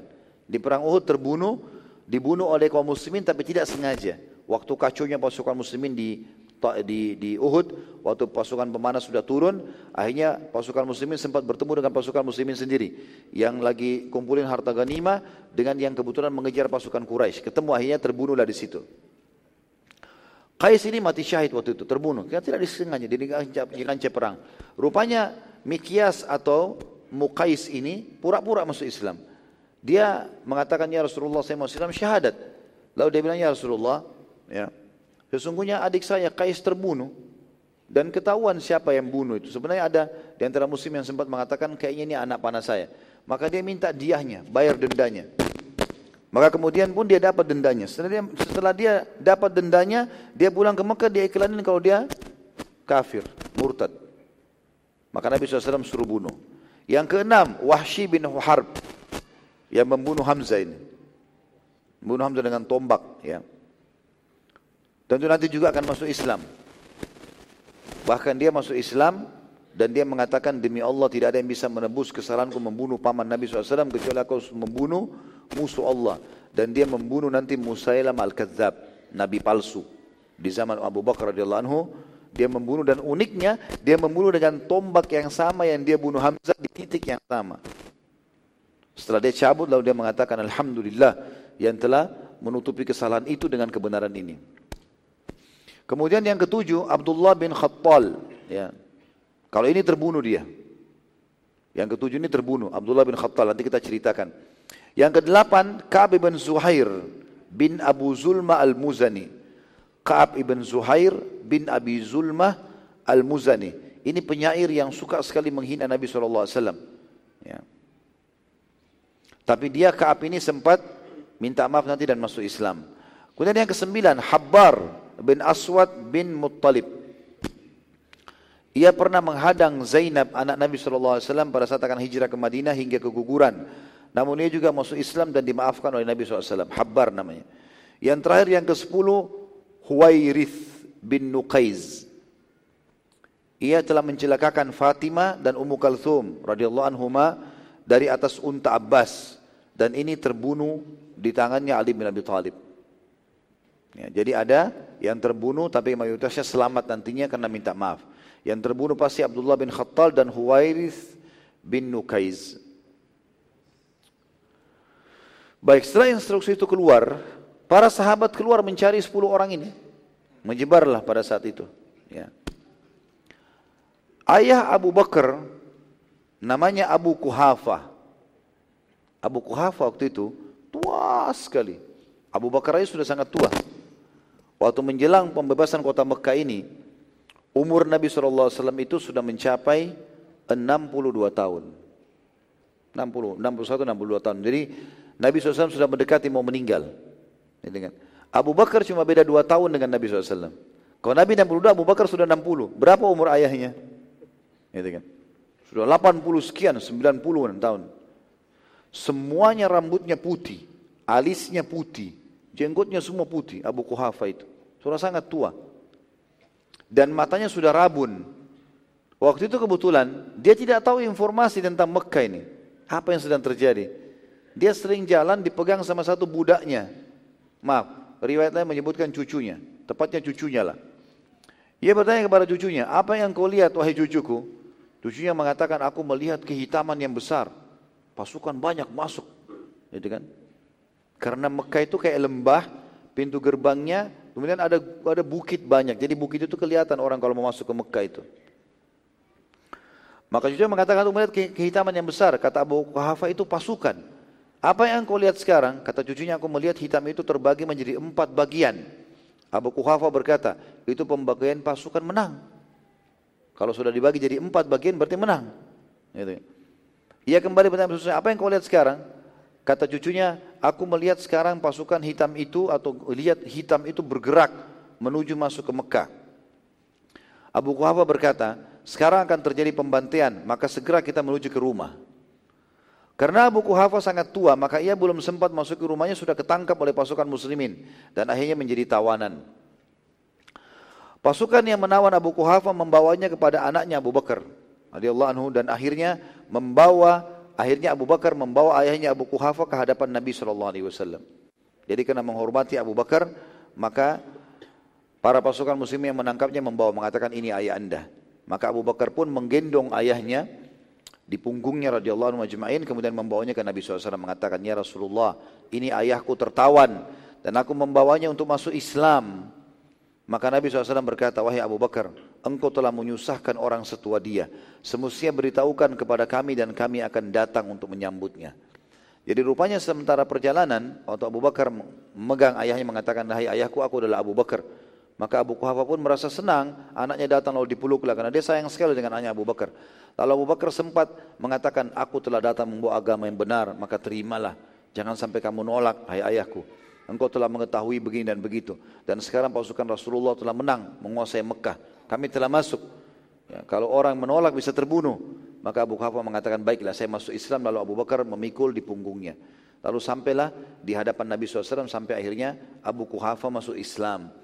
Dan kata para ulama Abu Bakar radhiyallahu ini sangat unik karena empat generasi sempat menjadi sahabat. Ayahnya Abu Kuhafa, Abu Bakar sendiri, anaknya Abu Bakar dan cucunya Abu Bakar. Ini semua menjadi generasi sahabat, tentu tidak semua cucunya radhiyallahu anhu majma'in, tapi ada di antara cucunya yang berhasil mendapatkan masa hidupnya Nabi alaihi salatu. Abu Bakar berkata, tidak wahai utusan Allah, tetapi anda yang pantas untuk didatangi, maka masuk Islamlah pada saat itu ayah Abu Bakar. Pada saat itu Nabi SAW melihat Abu Kuhafa penuh dengan rambut putih. Rambutnya panjang, gondrong, kemudian putih. Alisnya putih semua, jenggotnya putih semua. Maka keluarlah hukum pada saat itu mewarnahi rambut. Kata Nabi SAW, bawalah hai Abu Bakar, ayahmu ini kepada istri-istrinya dan suruhlah mereka mewarnahinya. Dia disuruh mewarnai dan Nabi SAW mengatakan juga warnahilah rambut dan jenggot kalian yang sudah putih ya, karena Yahudi tidak mewarnai. Tapi kita di sini disuruh mewarnai bukan warna hitam, tapi warnanya coklat atau kemerah-merahan. Ya, itu yang disunnahkan oleh Nabi SAW.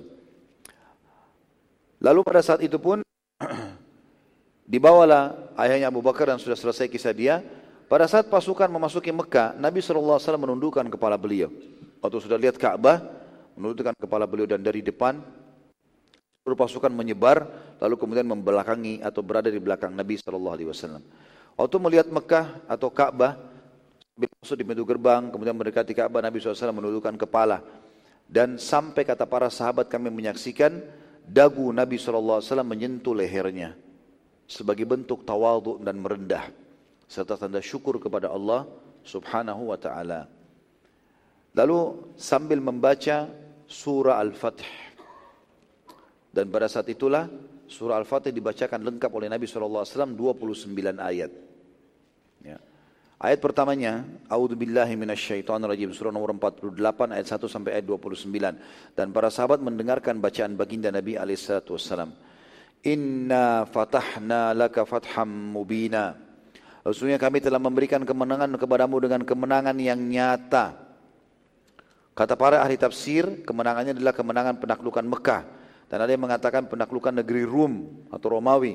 Pula yang mengatakan perdamaian Hudaybiyah. Tapi kebanyakan ahli tafsir menjelaskan ini adalah gabungan dari semuanya. Dari ya, pembebasan Khaybar, kemudian pembebasan kota Mekah, setelahnya ada perang Hunain, setelahnya ada perang Tabuk. Semua itu yang masuk dalam ayat ini. Ayat duanya,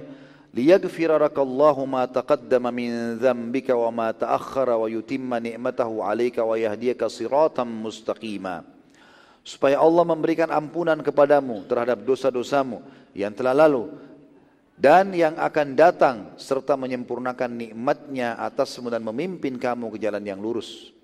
Baginda Nabi SAW dengan ayat kedua ini dipastikan kalaupun ada kesalahan atau dosa semuanya sudah dimaafkan oleh Allah subhanahu wa ta'ala. Disilakan dengan maksum.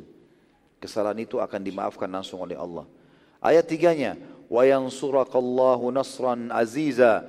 Dan supaya Allah akan memberikan pertolongan yang banyak dan kuat kepadamu. Ayat empatnya anzala as-sakinata fi qulubil mu'minina liyazdadu imanan ma imanihim. Walillahi junudus samawati wal ard wa kana Allahu aliman hakima Dialah yang telah menurunkan ketenangan ke dalam hati orang-orang mukmin supaya keimanan mereka bertambah di samping keimanan mereka yang sudah ada. Dari ayat ini sebagian besar ulama ya mengatakan bahwasanya iman bertambah dengan ketaatan berkurang dengan kemaksiatan karena dia bisa bertambah dikatakan dan dialah yang telah menambahkan keimanan orang beriman di atas keimanan mereka. Dan kepunyaan Allah lah tentara langit dan bumi dan Allah Maha mengetahui lagi Maha bijaksana. Yang dimaksud dengan tentara langit adalah para malaikat sebagaimana sudah kita jelaskan sempat hadir di perang uh, uh, Badr dan ikut berperang. Ya. Dan juga nanti akan hadir di perang Hunain. Tapi di perang Hunain malaikat tidak ikut memerangi musuh. Ayat selanjutnya, ayat 5, liyudkhilal mu'minina wal mu'minati jannatin tajri min tahtiha al-anharu khalidina fiha ويكفر عنهم سيئاتهم وكان ذلك عند الله فوزا عظيما supaya dia Allah memasukkan orang-orang mukmin laki-laki dan perempuan ke dalam surga yang mengalir di bawahnya sungai-sungai mereka kekal di dalamnya dan supaya dia Allah menutupi kesalahan-kesalahan mereka dan yang demikian itu adalah keberuntungan yang besar di sisi Allah mulai ini ayat ini turun semua orang beriman laki-laki dan perempuan mendapatkan jaminan surga selama dia tidak membatalkan keislamannya. Walaupun nanti akan ada usatul mukminin, orang-orang mukmin yang meninggal tidak sempat taubat masuk ke neraka dulu tapi nanti akan masuk ke dalam surga. Ini jaminan. Dan bagian taubat Allah akan maafkan kesalahan-kesalahan mereka. Ayat keenamnya, ويعذب المنافقين والمنافقات والمشركين والمشركات الظانين بالله ظن السوء عليهم دائرة السوء alaihim wa la'anahum wa addalahum jahannam wa sa'at masira dan supaya dia mengazab orang-orang munafik laki-laki dan perempuan dan orang-orang musyrik laki-laki dan perempuan yang mereka itu berprasangka buruk terhadap Allah mereka akan mendapat giliran kebinasaan yang amat buruk dan Allah memurkahi dan mengutuk mereka serta menyediakan bagi mereka neraka jahanam dan neraka jahanam itu sejahat-jahat tempat kembali. Makna ayat ke-6 ini kata ulama adalah bahwasanya setelah pulang dari pembebasan kota Mekah, orang-orang munafik akan dibongkar kedoknya oleh Allah. Terutama nanti perang dari pulang dari perang Tabuk, sebelum sakitnya Nabi SAW dan meninggalnya beliau, beliau akan tunjuk satu persatu. Kata Nabi SAW di masjid, yang aku sebutkan namanya berdiri, munafik. Nabi SAW bongkar kedok mereka. Fulan berdiri, fulan berdiri, fulan berdiri. Dibongkar satu persatu kedok mereka semuanya. Pada saat itu. Nanti kita jelaskan insya Allah pada saat waktunya nanti. Dan juga yang dimaksud dengan orang musyrik laki-laki dan perempuan akan disiksa oleh Allah adalah orang-orang yang tidak sempat masuk Islam dan terbunuh dalam keadaan kekufurannya di Mekah maka pasti akan kena hukuman ini. Ayat tujuhnya. Walillahi junudus samawati wal ardi wa kana Allah azizan hakima dan kepunyaan Allah lah tentara langit dan bumi dan dan adalah Allah Maha perkasa lagi Maha bijaksana. Ya, sebagian ulama mengatakan tentara langit dan bumi adalah langit para malaikat dan juga bisa saja hujan, bisa saja angin kencang, segala macam ini pasukannya Allah, ya kan? Dan juga di bumi bisa masuk di dalamnya semua manusia binatang-binatang atau apa pun yang terjadi di muka bumi termasuk gempa, banjir dan saya pasukannya Allah Subhanahu wa taala. Makanya teman-teman sekalian jangan sampai kita menganggap pasukan itu cuma manusia pakai baju perang, tidak. Semuanya pasukan Allah, terjadinya banjir, badai, apalah ini semua adalah tentara-tentara Allah Subhanahu wa taala. Ayat 8, "Inna arsalnaka syahidan wa mubasysyiran wa nadhira." Sesungguhnya kami mengutus kau Muhammad tidak lain kecuali sebagai saksi akan kebenaran kami, pembawa berita gembira bagi orang-orang beriman dengan melakukan amal soleh mereka masuk surga dan sebagai pemberi peringatan bagi yang membangkang. Ya, dosa-dosa diberikan peringatan. Ayat sembilannya, litu'minu billahi wa rasulihi wa tu'azziruhu wa tuwakkiruhu wa tusabbihu bukuratan wa asila. Semua tujuan syarat ini adalah agar kalian beriman kepada Allah dan Rasulnya, menguatkan agamanya, yakin ini kebenaran, membesarkan Allah dan bertasbih kepadanya di waktu pagi dan petang. Ayat 10-nya. Innal innal ladina yubayyi'unaka innama yubayyi'una Allah innama yubayyi'una Allah yadullahi fawqa aydihim faman nakatha fa innama yankuthu ala nafsi wa man awfa bima ahada alaihi Allah alaihi Allah fasayu'tihi ajran 'azima. Bahwasanya orang-orang yang berjanji setia kepadamu bahwasanya mereka akan janji setia, mereka janji setia kepada Allah. Tangan Allah di atas tangan-tangan mereka. Maksudnya ini adalah di Bayat Ridwan, di sepakatan Hudaybiyah. Maka barang siapa yang melanggar janjinya, niscaya akibat itu melanggar janji itu akan menimpa dirinya sendiri. Dan barang siapa yang menepati janjinya kepada Allah, maka Allah akan memberikan kepadanya pahala yang besar. Terus saja dibaca ayat ini sampai akhir ayat oleh Nabi SAW tentunya sampai ayat 29. Ya. Tentu kita akan lanjutkan insya Allah ayatnya. Saya akan bacakan karena di tulisan saya, saya hanya tulis sampai ayat ke-10 saja. Lalu kemudian ayat 11-nya, saya lakal mukhallafuna minal arabi syagalatna amwaluna wa ahluna fastaghfir lana. Yaquluna bi alsinatihim ma laysa fi qulubihim. Qul faman yamliku lakum minallahi syai'in in arada bikum dharran aw arada bikum naf'a bal kana Allahu bima ta'maluna khabira. Orang-orang Badui yang tertinggal tidak ikut di kesepakatan Hudaybiyah akan mengatakan harta dan keluarga kami telah memerintahkan atau merintangi kami. Maka mohonkanlah ampun untuk kami. Mereka mengucapkan dengan lidahnya apa yang tidak ada dalam hatinya. Katakanlah maka siapakah gerangan yang dapat menghalang-halangi kehendak Allah jika dia menghendaki kemudaratan bagi kalian? Dan jika dia menghendaki manfaat bagi kalian sebenarnya Allah maha mengetahui apa yang kalian kerjakan.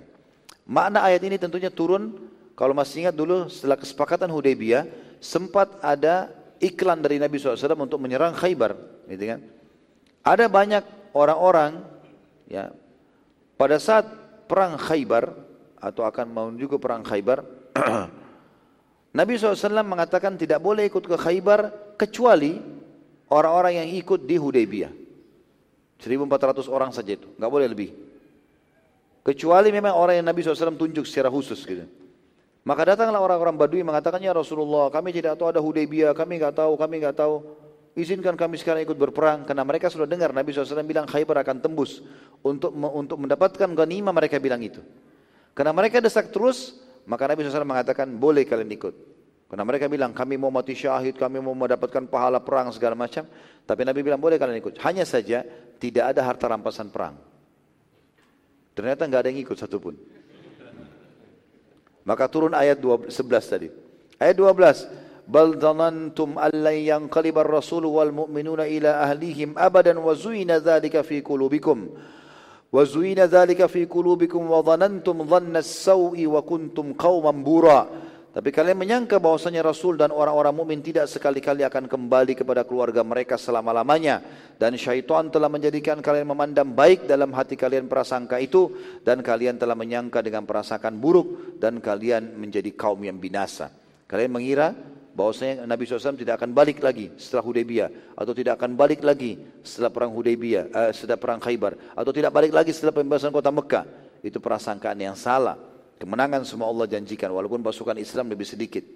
Ayat 13 wa man lam yu'min billahi wa rasuli fa inna a'tadna lil kafirina sa'ira. Barang siapa yang tidak beriman kepada Allah dan rasulnya tidak yakin tentang janji-janji dan ancaman yang ada maka sungguhnya kami menyediakan untuk orang-orang kafir neraka yang menyala-nyala. Ayat 14. Walillahi mulkus samawati wal ard yaghfiru liman yasha wa yu'adzibu man yasha wa kana Allahu ghafurar rahima. Dan hanya kepunyaan Allah lah kerajaan langit dan bumi. Dia memberikan ampun kepada siapa yang dikehendakinya dan mengadab siapa yang dikehendakinya dan Allah Maha Pengampun lagi Maha Penyayang. Ayat 15. Sayaqulul mukhallafuna idzan talaqtum ila maghanim lita'khuduha dharuna nattabi'kum yuriduna an yubaddilu kalam Allah kullan tattabi'una kadzalikum qala Allah min qabl fasayakuna bal tahsudunana bal kanu la yafqahuna illa qalila. Orang-orang Badui yang tertinggal akan berkata apakah apabila kalian telah berangkat dan untuk mengambil harta rampasan perang biarkan kami ikut bersama kalian. Niscaya kami akan mengikuti kalian. Maka hendak maka mereka hendak mengubah janji Allah. Artinya orang-orang kafir munafik tidak akan ada gunanya. Mereka pun tidak akan dilibatkan. Katakanlah kamu sekali-kali tidak boleh mengikuti kami. Katakan kepada orang munafik dan orang-orang itu, tidak mungkin kalian ikut. Demikianlah Allah telah menetapkan sebelumnya. Tapi mereka malah mengatakan, kalian dengki pada kami. Bahkan mereka tidak mengerti sedikit pun alasan itu. Atau tidak tidak tidak mengerti, melainkan sangat sedikit sekali. Jadi waktu mereka dilarang, tidak usah ikut ke Khaybar, kecuali pengikut Hudaybiyah saja. Mereka bilang sama kaum muslimin, kalian cuma hasut pada kami. Supaya kami tidak ikut dapat harta rampasan perang. Ayat 16. قل للمخلفين من الأعراب ستدعون إلى قوم أولي بأس شديد تقاتلونهم أو يسلمون فإن تطيعوا يؤتكم الله أجرا حسنا وإن تتولوا كما توليتم من قبل يعذبكم عذابا عليما Katakanlah kepada orang-orang Badui yang tertinggal, kalian akan diajak untuk memerangi kaum yang mempunyai kekuatan yang besar. Kalian akan memerangi mereka atau mereka akan menyerah atau mereka menyerah masuk Islam. Maka jika kalian patuh ajakan itu, niscaya Allah akan memberikan kepada kalian pahala yang baik. Dan jika kalian berpaling sebagaimana kalian telah berpaling sebelumnya, niscaya dia akan mengadab kalian dengan adab yang pedih. Kata sebagian ulama, ayat ini turun pengajakan nanti Nabi SAW kepada orang-orang muslimin untuk pergi perang tabuk. Nanti kita jelaskan masalah itu di perang tabuk. Jadi rupanya mereka menolak lagi ikut perang tabuk itu, orang munafik. Maka Allah turunkan ayat ini menjelaskan sebelum mereka melakukan sudah turun ayatnya. Bagaimana mereka akan menolak sebagaimana mereka menolak pada saat pergi ke Hudaybiyah itu. Ayat 17, "Laisa 'alal a'ma harajun wala 'alal a'raji harajun wala 'alal maridi haraj." ومن يطع الله ورسوله يدخله جنات تجري من تحت الأنهار ومن يتولى يعذبه عذابا أليما Tentu ayat ini nanti semua banyak berbicara tentang perang tabuk ya. Nanti akan kita bahas juga di perang tabuk insya Allah. Tidak ada dosa kata Allah bagi orang yang buta atau orang yang pincang atau orang yang sakit apabila mereka tidak ikut perang. Dan barang siapa yang taat kepada Allah dan Rasulnya, niscaya Allah akan memasukkannya ke dalam surga yang mengalir di bawahnya sungai-sungai dan barang siapa yang berpaling niscaya Allah akan niscaya akan diazabnya atau Allah akan mengazabnya dengan azab yang pedih. Jadi ini ayat ini turun kepada uh, tentang masalah hukum uzur bagi orang yang tidak bisa ikut jihad. Sebagaimana waktu nanti perang Tabuk kita akan pelajari insya Allah nanti ada orang-orang di Madinah sampai nangis karena nggak bisa ikut. Karena perang Tabuk jauh dari Madinah ke Mekah jaraknya jauh sekali dan mereka butuh uh, apa namanya kendaraan. Tidak ada kendaraan maka mereka menangis pada saat itu. Mereka pulang sambil menangis tentunya pada saat itu. Uh, dan ini dimasukkan dalam udur. Orang buta juga tidak bisa berperang, tidak tahu mana musuhnya. Maka mereka kalau punya niat yang baik dapat pahala jihad. Kata Nabi SAW, waktu pulang dari perang tabuk, sungguhnya di Madinah ada kaum yang tidak ada lembah yang kalian lewati, tidak ada rasa reti, tidak ada harta yang kalian keluarkan, tidak ada musuh yang kalian buat marah, kecuali mereka ikut bersama kalian dengan pahala, karena mereka tertahan oleh uzur. Ya, kalau mereka tidak punya uzur, mereka akan ikut. Ayat 19, wa maghanima katsiratan ya'khudunaha wa kana Allah azizan hakima serta harta rampasan yang banyak yang akan mereka ambil dia adalah Allah maha perkasa lagi maha bijaksana. Kata ulama ayat ini juga menjelaskan tentang harta rampasan Khaybar dan harta rampasan Hunain nanti. Kaum Hawazim. Wa'adakumullahu maghanima katsiratan ta'khudunaha fa'ajjala lakum hadi wa kaffa aydiyan nasi ankum walitakuna ayatan lil mu'minina wa yahdiyakum siratan mustaqima. Allah menjanjikan kepada kalian harta rampasan yang banyak yang dapat kalian ambil.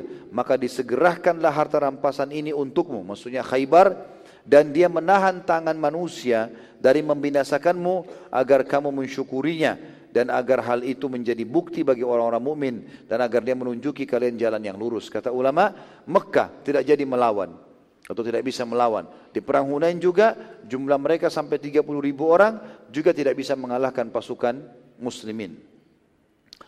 Ayat 21 wa ukhra lam taqdiru 'alaiha qad ahata Allahu biha wa kana Allah ala kulli syai'in qadira. Dan Allah telah menjanjikan kemenangan-kemenangan yang lain atas negeri-negeri yang kalian belum dapat menguasainya yang sungguh Allah telah menentukannya. Dan Allah Maha Kuasa lagi atas segala sesuatunya. Dikatakan oleh para ulama ayat 21 turun tentang kota Taif. Nanti kita pelajari setelah perang Hunain bagaimana kota Taif tidak bisa ditembus kuasa Allah Subhanahu wa taala. Sebagian ulama tafsir mengatakan yang dimaksud adalah wilayah-wilayah yang belum dikuasai di masa hidupnya Nabi sallallahu alaihi wasallam. Nanti dibuka setelah beliau meninggal. Ayat 22. Walau qatalukumul walau qatalakumul ladina kafaru lawallau al-adbara thumma la yajiduna waliyan wala nasira. Sekiranya orang-orang kafir itu juga berusaha memerangi kalian, pasti mereka berbalik melarikan diri ke belakang atau kalah. Kemudian mereka tidak memperoleh pelindungan dan tidak pula penolong.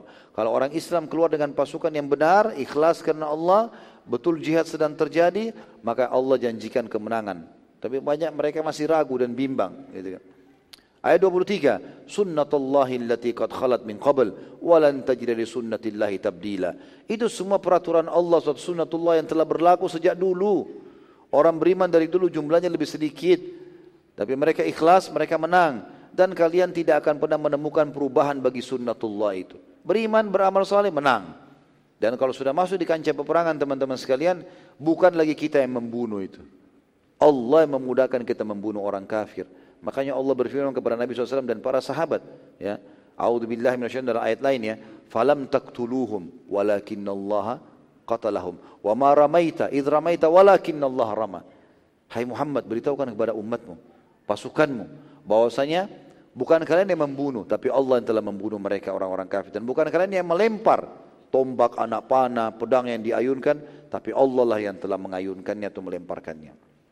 Ayat 24. Wa huwa alladhi kaffa aydiyahum ankum wa aydiyahum anhum bi batni Makkah min ba'di an adfarakum alaihim wa Allah bima ta'maluna basira dan dialah telah menahan tangan mereka dari membinasakan kalian dan menahan tangan kalian untuk membinasakan mereka di tengah kota Mekah sesudah Allah memenangkan kalian atas mereka dan Allah Maha melihat apa yang kalian kerjakan.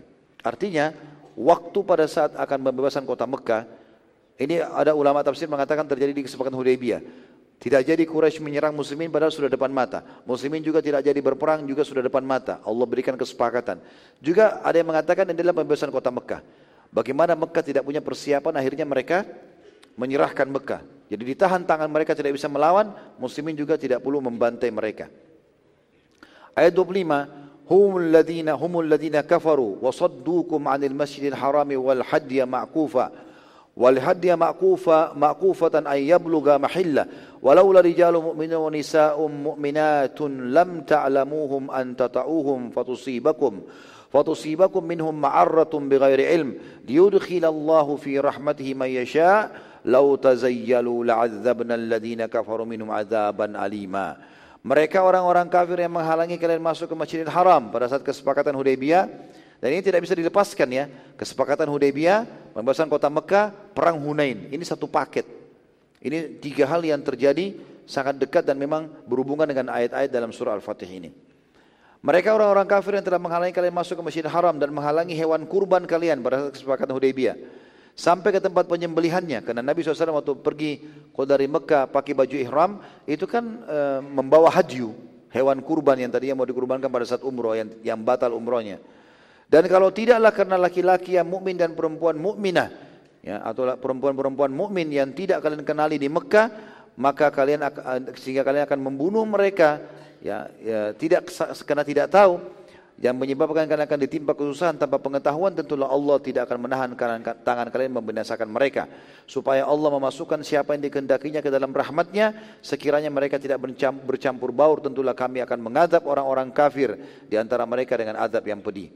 Maksudnya adalah waktu kesepakatan Hudaybiyah muslimin tidak jadi perang padahal mereka sudah seribu orang dan mereka bawa pedang mereka bisa menyerang Mekah sudah depan mata pasukan Quraisy juga ada di situ pada saat itu keluar yang 3000 orang juga depan mata tinggal diserang, diserang menguasai Mekah. Tapi Allah menyebutkan sebabnya kenapa Allah tahan pada saat itu tidak jadi perperangan. Karena dalam Mekah ada laki-laki mukmin dan perempuan mukminah yang menyembunyikan Islamnya.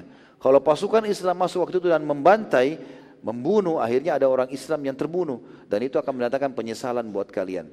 Ini kata Allah SWT di ayat 25-nya tadi.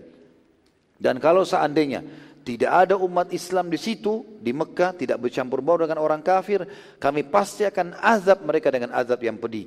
Kata ulama tafsir, sebagian besar mereka mengatakan ayat 25 ini sangat jelas. Kalau ada satu wilayah, tidak ada satupun muslimnya di situ, maka mudah sekali Allah hukum. Mudah sekali Allah azab. Tapi kalau ada muslim situ satu saja, itu sudah cukup menjadi penghambat atau tidak jadinya Allah menghukum mereka karena keimanan orang itu. Apalagi kalau dasarnya dia orang soleh. Ya. Jadi selamatnya negara-negara kafir sebenarnya sekarang ini bukan karena mereka itu makmur, tapi Allah menyelamatkan justru karena adanya umat Islam di sana. Dan dengan hikmah Allah Subhanahu wa seluruh dunia ini ada saja orang Islam. Tidak ada yang tidak ada orang Islam gitu. Sehingga dengan itu Allah Subhanahu wa taala tidak jadi menghukum mereka. Ayat 26. إذ جعل الذين كفروا في قلوبهم الحمية حمية الجاهلية فأنزل الله سكينته على رسوله وعلى المؤمنين وألزمهم كلمة التقوى وكانوا أحق بها وأهلها وكان الله بكل شيء عليما Ketika orang-orang kafir menanamkan dalam hati mereka kesombongan, kesombongan jahiliyah, lalu Allah menurunkan ketenangan kepada Rasulnya dan kepada orang-orang mukmin dan Allah mewajibkan kepada mereka kalimat takwa. Kata ulama adalah kalimat tauhid dan makna lain adalah ketawaduan.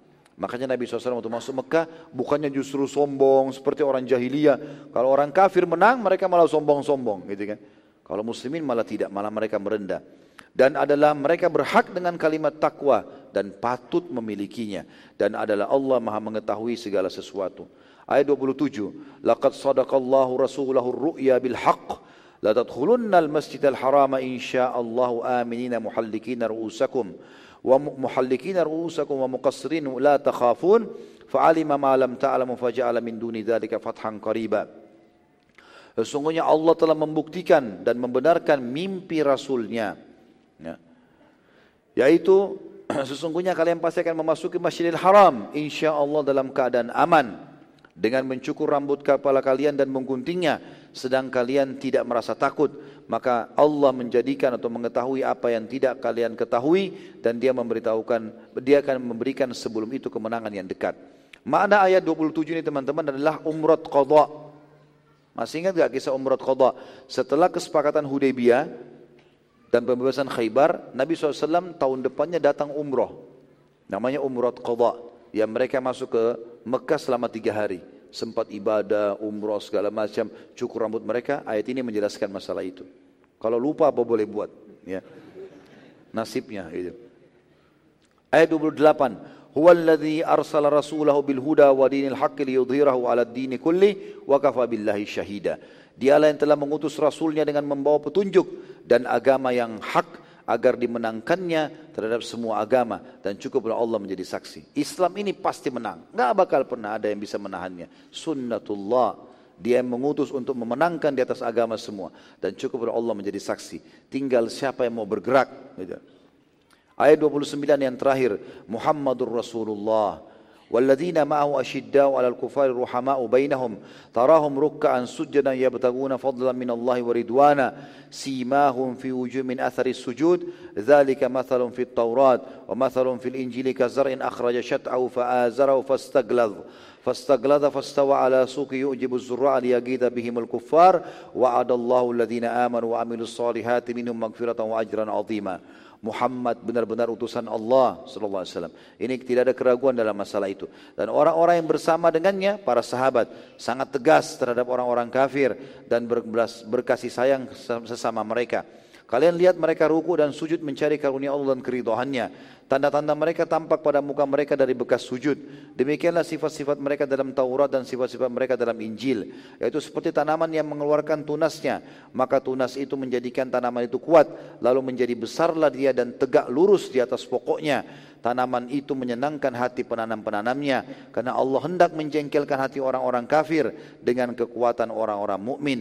Allah menjanjikan kepada orang-orang beriman dan mengerjakan amal soleh di antara mereka ampunan dan pahala yang besar. Maka dengan membaca ayat ini Nabi SAW membaca terus ayat ini sampai akhirnya tiba di wilayah Khif tadi. Kemudian Nabi SAW ya, mengumpulkan pasukannya. Pasukan yang pertama tiba di Khif adalah pasukan Zubair bin Awam radhiyallahu anhu. Dan ia segera mengatur pasukannya serta mengamankan sekitar lokasi juga memasang kemah untuk Nabi sallallahu alaihi wasallam. Sementara yang terakhir tiba adalah pasukan Khalid bin Walid dikarenakan terdapat beberapa dari pemuka dan pemuda Quraisy juga kesatrianya yang tidak mau menyerahkan diri bahkan berusaha membentuk pasukan dan berusaha menyerang dan mereka menyerang pasukan Khalid bin Walid. Lalu kelompok pasukan uh, maaf. Mereka berusaha menyerang pasukan Khalid bin Walid ya. sementara Nabi SAW telah melarang pasukan bin Walid untuk ya, menyerang tidak boleh membunuh kecuali 10 orang tadi. Pasukan-pasukan Quraisy yang terbentuk ini dan pemuda juga kesatria adalah dipimpin oleh Ikrimah bin Abi Jahal, Safwan bin Umayyah bin Khalaf, Al-Harith bin Hisham dan Abdullah bin Rabi'ah. Empat orang ini mengajak anak-anak muda Mekah, kita keluar bentuk pasukan, bentuk pasukan. Tapi bukan dalam Mekah karena Mekah sudah masuk pasukan. Mereka keluar di luar Mekah. Nah kebetulan untuk mereka keluar bentuk pasukan di luar, ketemu sama pasukannya Khalid bin Walid yang belum masuk ke Mekah. Tadinya pasukan Khalid bin Walid kebetulan di depan waktu awal mau menyerang. Tapi setelah menang, Nabi SAW letakkan bukan di depan lagi pasukan bin Walid. Sudah dipindahkan. Maka pasukan Nabi SAW lebih dulu masuk, baru pasukan bin Walid terakhir masuk. Waktu sebelum masuk, sempat pasukan bin Walid ketemu dengan pasukan Quraisyin di luar, di luar pintu gerbang Mekah. Saat bin Walid menghadapi mereka, ia menawarkan agar mereka masuk Islam seraya berkata, wahai Ikrimah, ini adalah utusan Allah dan sudah sangat jelas. Ia menguasai Mekah sekarang. Masuk Islamlah. dan itu lebih baik buat engkau dan mereka. Tapi ternyata mereka menolak. Khalid bin Walid kemudian mengatakan, masuklah ke rumah-rumah kalian agar kalian mendapatkan keamanan. Mereka juga menolak, tetap saja mau berperang. Khalid lalu berkata, kalau begitu jangan halangi jalan kami masuki Mekah. Karena Rasulullah SAW melarang kami memerangi kalian, kecuali individu saja di antara kalian. Yang lain tidak boleh ikut campur. Ya. Ternyata di pasukan ada Ikrimah. Ya.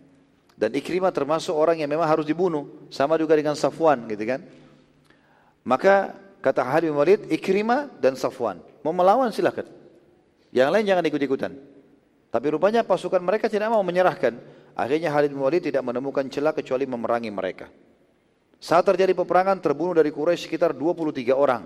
Dan tidak satupun dari muslimin yang terbunuh. Maka pasukan Ikrimah melarikan diri termasuk Ikrimah sendiri melarikan diri bersama Safwan keluar Mekah.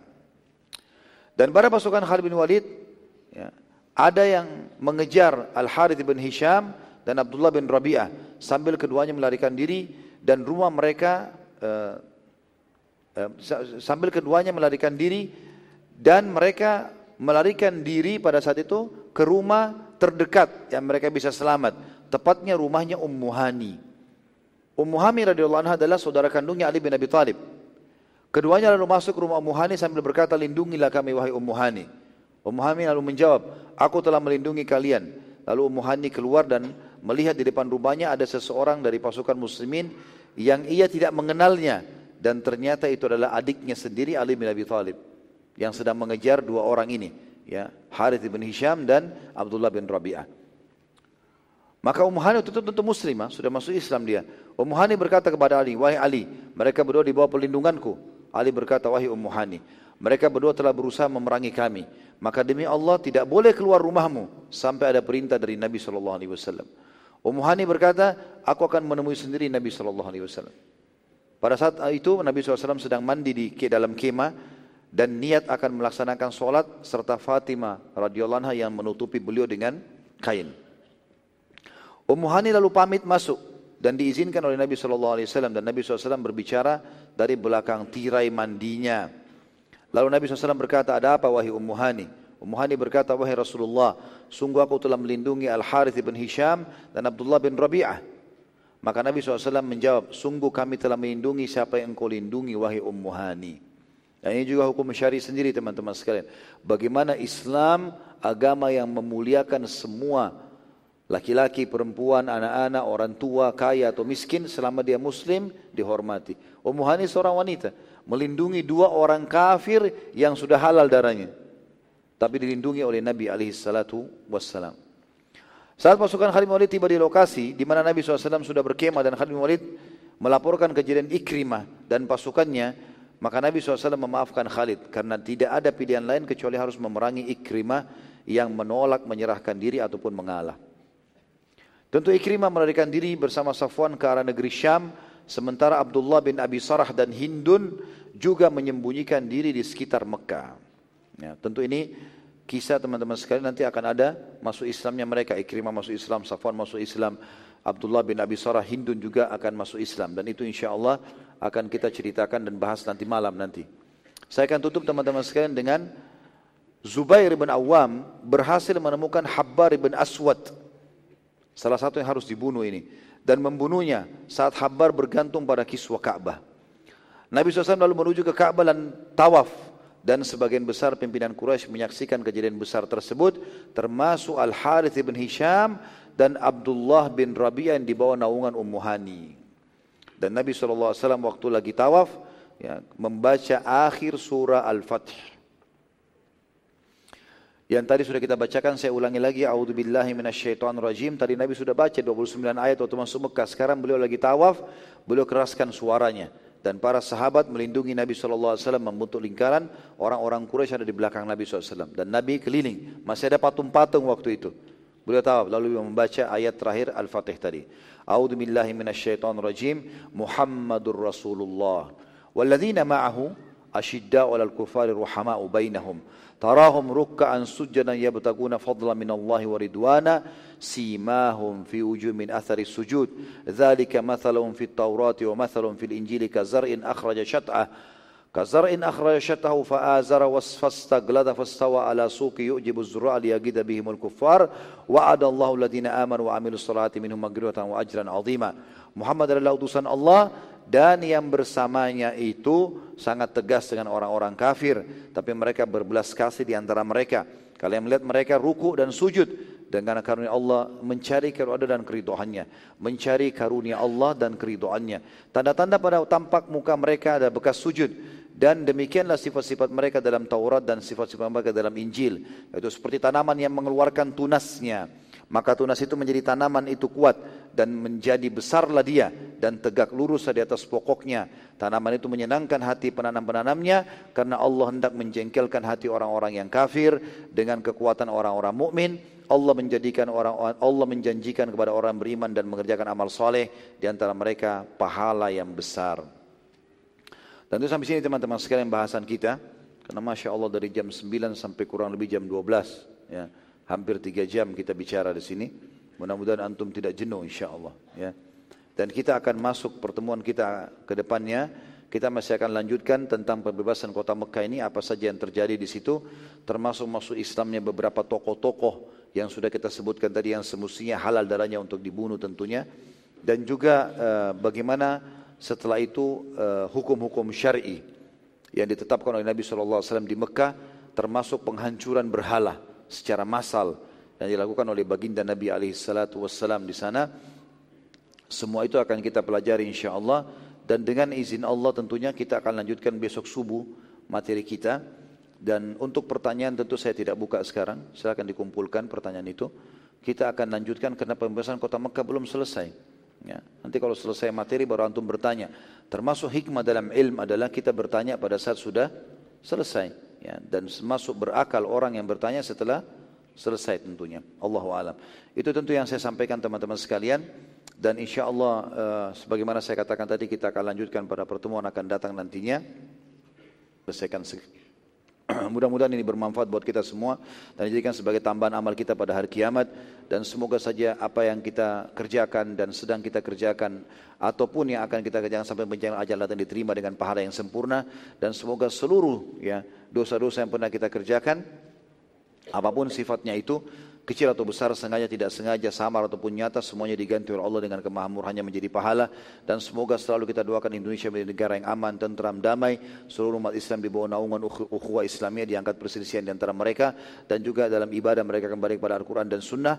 Dan semoga saja siapa pun yang menginginkan keburukan bagi Indonesia, bagi Islam, bagi Muslimin, dikembalikan di budaya mereka kepada diri mereka sendiri.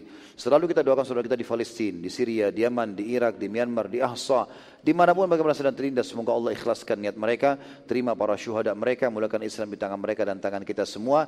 Dan semoga Allah ikut sertakan kita bersama mereka di pahala baik dengan doa dengan uh, dengan amal dengan harta baik dengan doa dengan uh, dengan harta dan juga dengan uh, apa yang kita mampu lakukan atau dengan jiwa kita dan semoga itu dicatatkan pahala oleh Sang Pencipta Allah Subhanahu wa taala. Wassallallahu nabiyana Muhammadin walhamdulillahi rabbil alamin. Subhanakallahumma bihamdika asyhadu an la ilaha illa anta astaghfiruka wa atubu ilaik. Wassalamualaikum warahmatullahi wabarakatuh.